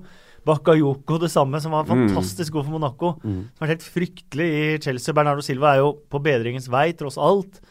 Uh, men det er vanskelig, altså. Når du har et lag av verdensklassespillere og skulle kjøpe en som skal forsterke der. Men Arsenal trenger jo forsvar, f.eks. da. Det gjør Liverpool. Ja, og City har jo akkurat kjøpt en, eh, en midtstopper. mm. Det tenker jeg at det er jo noe de faktisk eh, trenger. Og de har kjøpt også Fred fra Sjaktar. Og det er jo litt artig. For Fred var jo han som kom inn for å erstatte Fernandinho i Sjaktar. Mm. og da var følg han det sporet der. Når Fernandinho blir eldre i Manchester City, så kommer Ja. han inn og tar Fernandinhos plass i Manchester City. Men husker du ikke når Fernando tok plassen til Fernandinho? Det husker jeg Det også. var veldig spesielt. Ja, det var også spesielt. Det var litt den der Mangala-signeringen også. Ja. Fordi at jeg kommenterte portugisisk fotball i to sesonger, tror jeg. Da vi hadde det i, på TV 2. Eh, og verken Fernando eller Mangala imponerte meg på noe som helst måte i Porto. Så jeg skjønte liksom ikke den hypen, spesielt med Mangala, at han Mm. plutselig skulle være en av verdens dyreste stoppere. Hvor kom Mm. det fra? Mm. Um, nei, vi får tenke på det til neste podkast. Ja. da skal dere få Det skal jeg eh, gjøre. Fem Ja, jeg skal ikke være her, jeg heller. Oi. Det er vikar Oi. neste gang. Eh, Sime Stamse Møller skal være vikar for meg.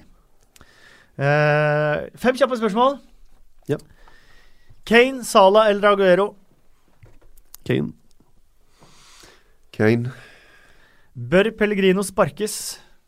Uff, ja. Dessverre. Ja. Hvem rykker opp fra championship? Eh, Wolverhampton og eh, Villa. Derby. Og Derby. Ja, helt enig. Det Der lytter jeg til ekspertene. eh, Hvor mange mål skårer Sørloth fra nå ut sesongen? Seks. Ett. Erik. Ja, men det er ikke Nå blir jeg så altså. skuffa over deg. Ja, men se, da. Ja, men Vi må jo ha litt hjerte og håp i det vi holder på med her. Ja, men vi må ha litt uh, ytterpunkter òg. Jeg kan ikke være med å si seks, kanskje jeg sier syv. Har sagt tolv. Nei, nei, nei. Eh, hvem av de nyansatte managerne i Premier League denne sesongen har gjort en best jobb? Ja, akkurat nå så kan jeg si Carval. Carvajal. Tror jeg er den riktige. Ja. Mm. Mm, ja Det er vel det. Um, jeg må tenke hvem andre har med å velge mellom, egentlig. De har jo forsvunnet inn og ut så sabla mange her, og de har begynt bra, og så har det gått dårlig, og så Men akkurat nå så er det jo den mannen der, altså. Carvalhal. Carvalhal. Du, da minner jeg om at det er uh, ny podkast neste tirsdag. Uh, da er Simen Samse Møller uh, vikar. Jeg aner ikke hvem han har med seg som eh, gjester, så jeg gleder meg til å høre på. Kjenner jeg Simen rett, så blir det bare han. Nei Det da, det bare. Det er ikke Simen, altså. Simen er en lagspiller. Um, eh, vi er på Twitter, som jeg har uh, nevnt. Vi tar gjerne mot en stjerne kommentar i iTunes uh, også. Så er det 14. februar i morgen. Det er jo Valentines. Kanskje det er 14. februar når du hører på. Felix, som har lagd episoden her i dag. Har du fått deg date til uh, Valentine's Day? Nei, det har jeg ikke. Du kan være min date, Felix. Koselig. Ja, ja. Tusen takk skal du uansett ha, Felix, og tusen takk skal Moderne Media ha. Og tusen takk skal du ha for, som har hørt på. Og ikke minst tusen takk, Andreas Milde, for at du tok turen innom. Takk for å få lov til å komme. Og Erik Thorstvedt, takk for at du kom også. Takk for at jeg kom og lærte så mye om championship. Deilig, det.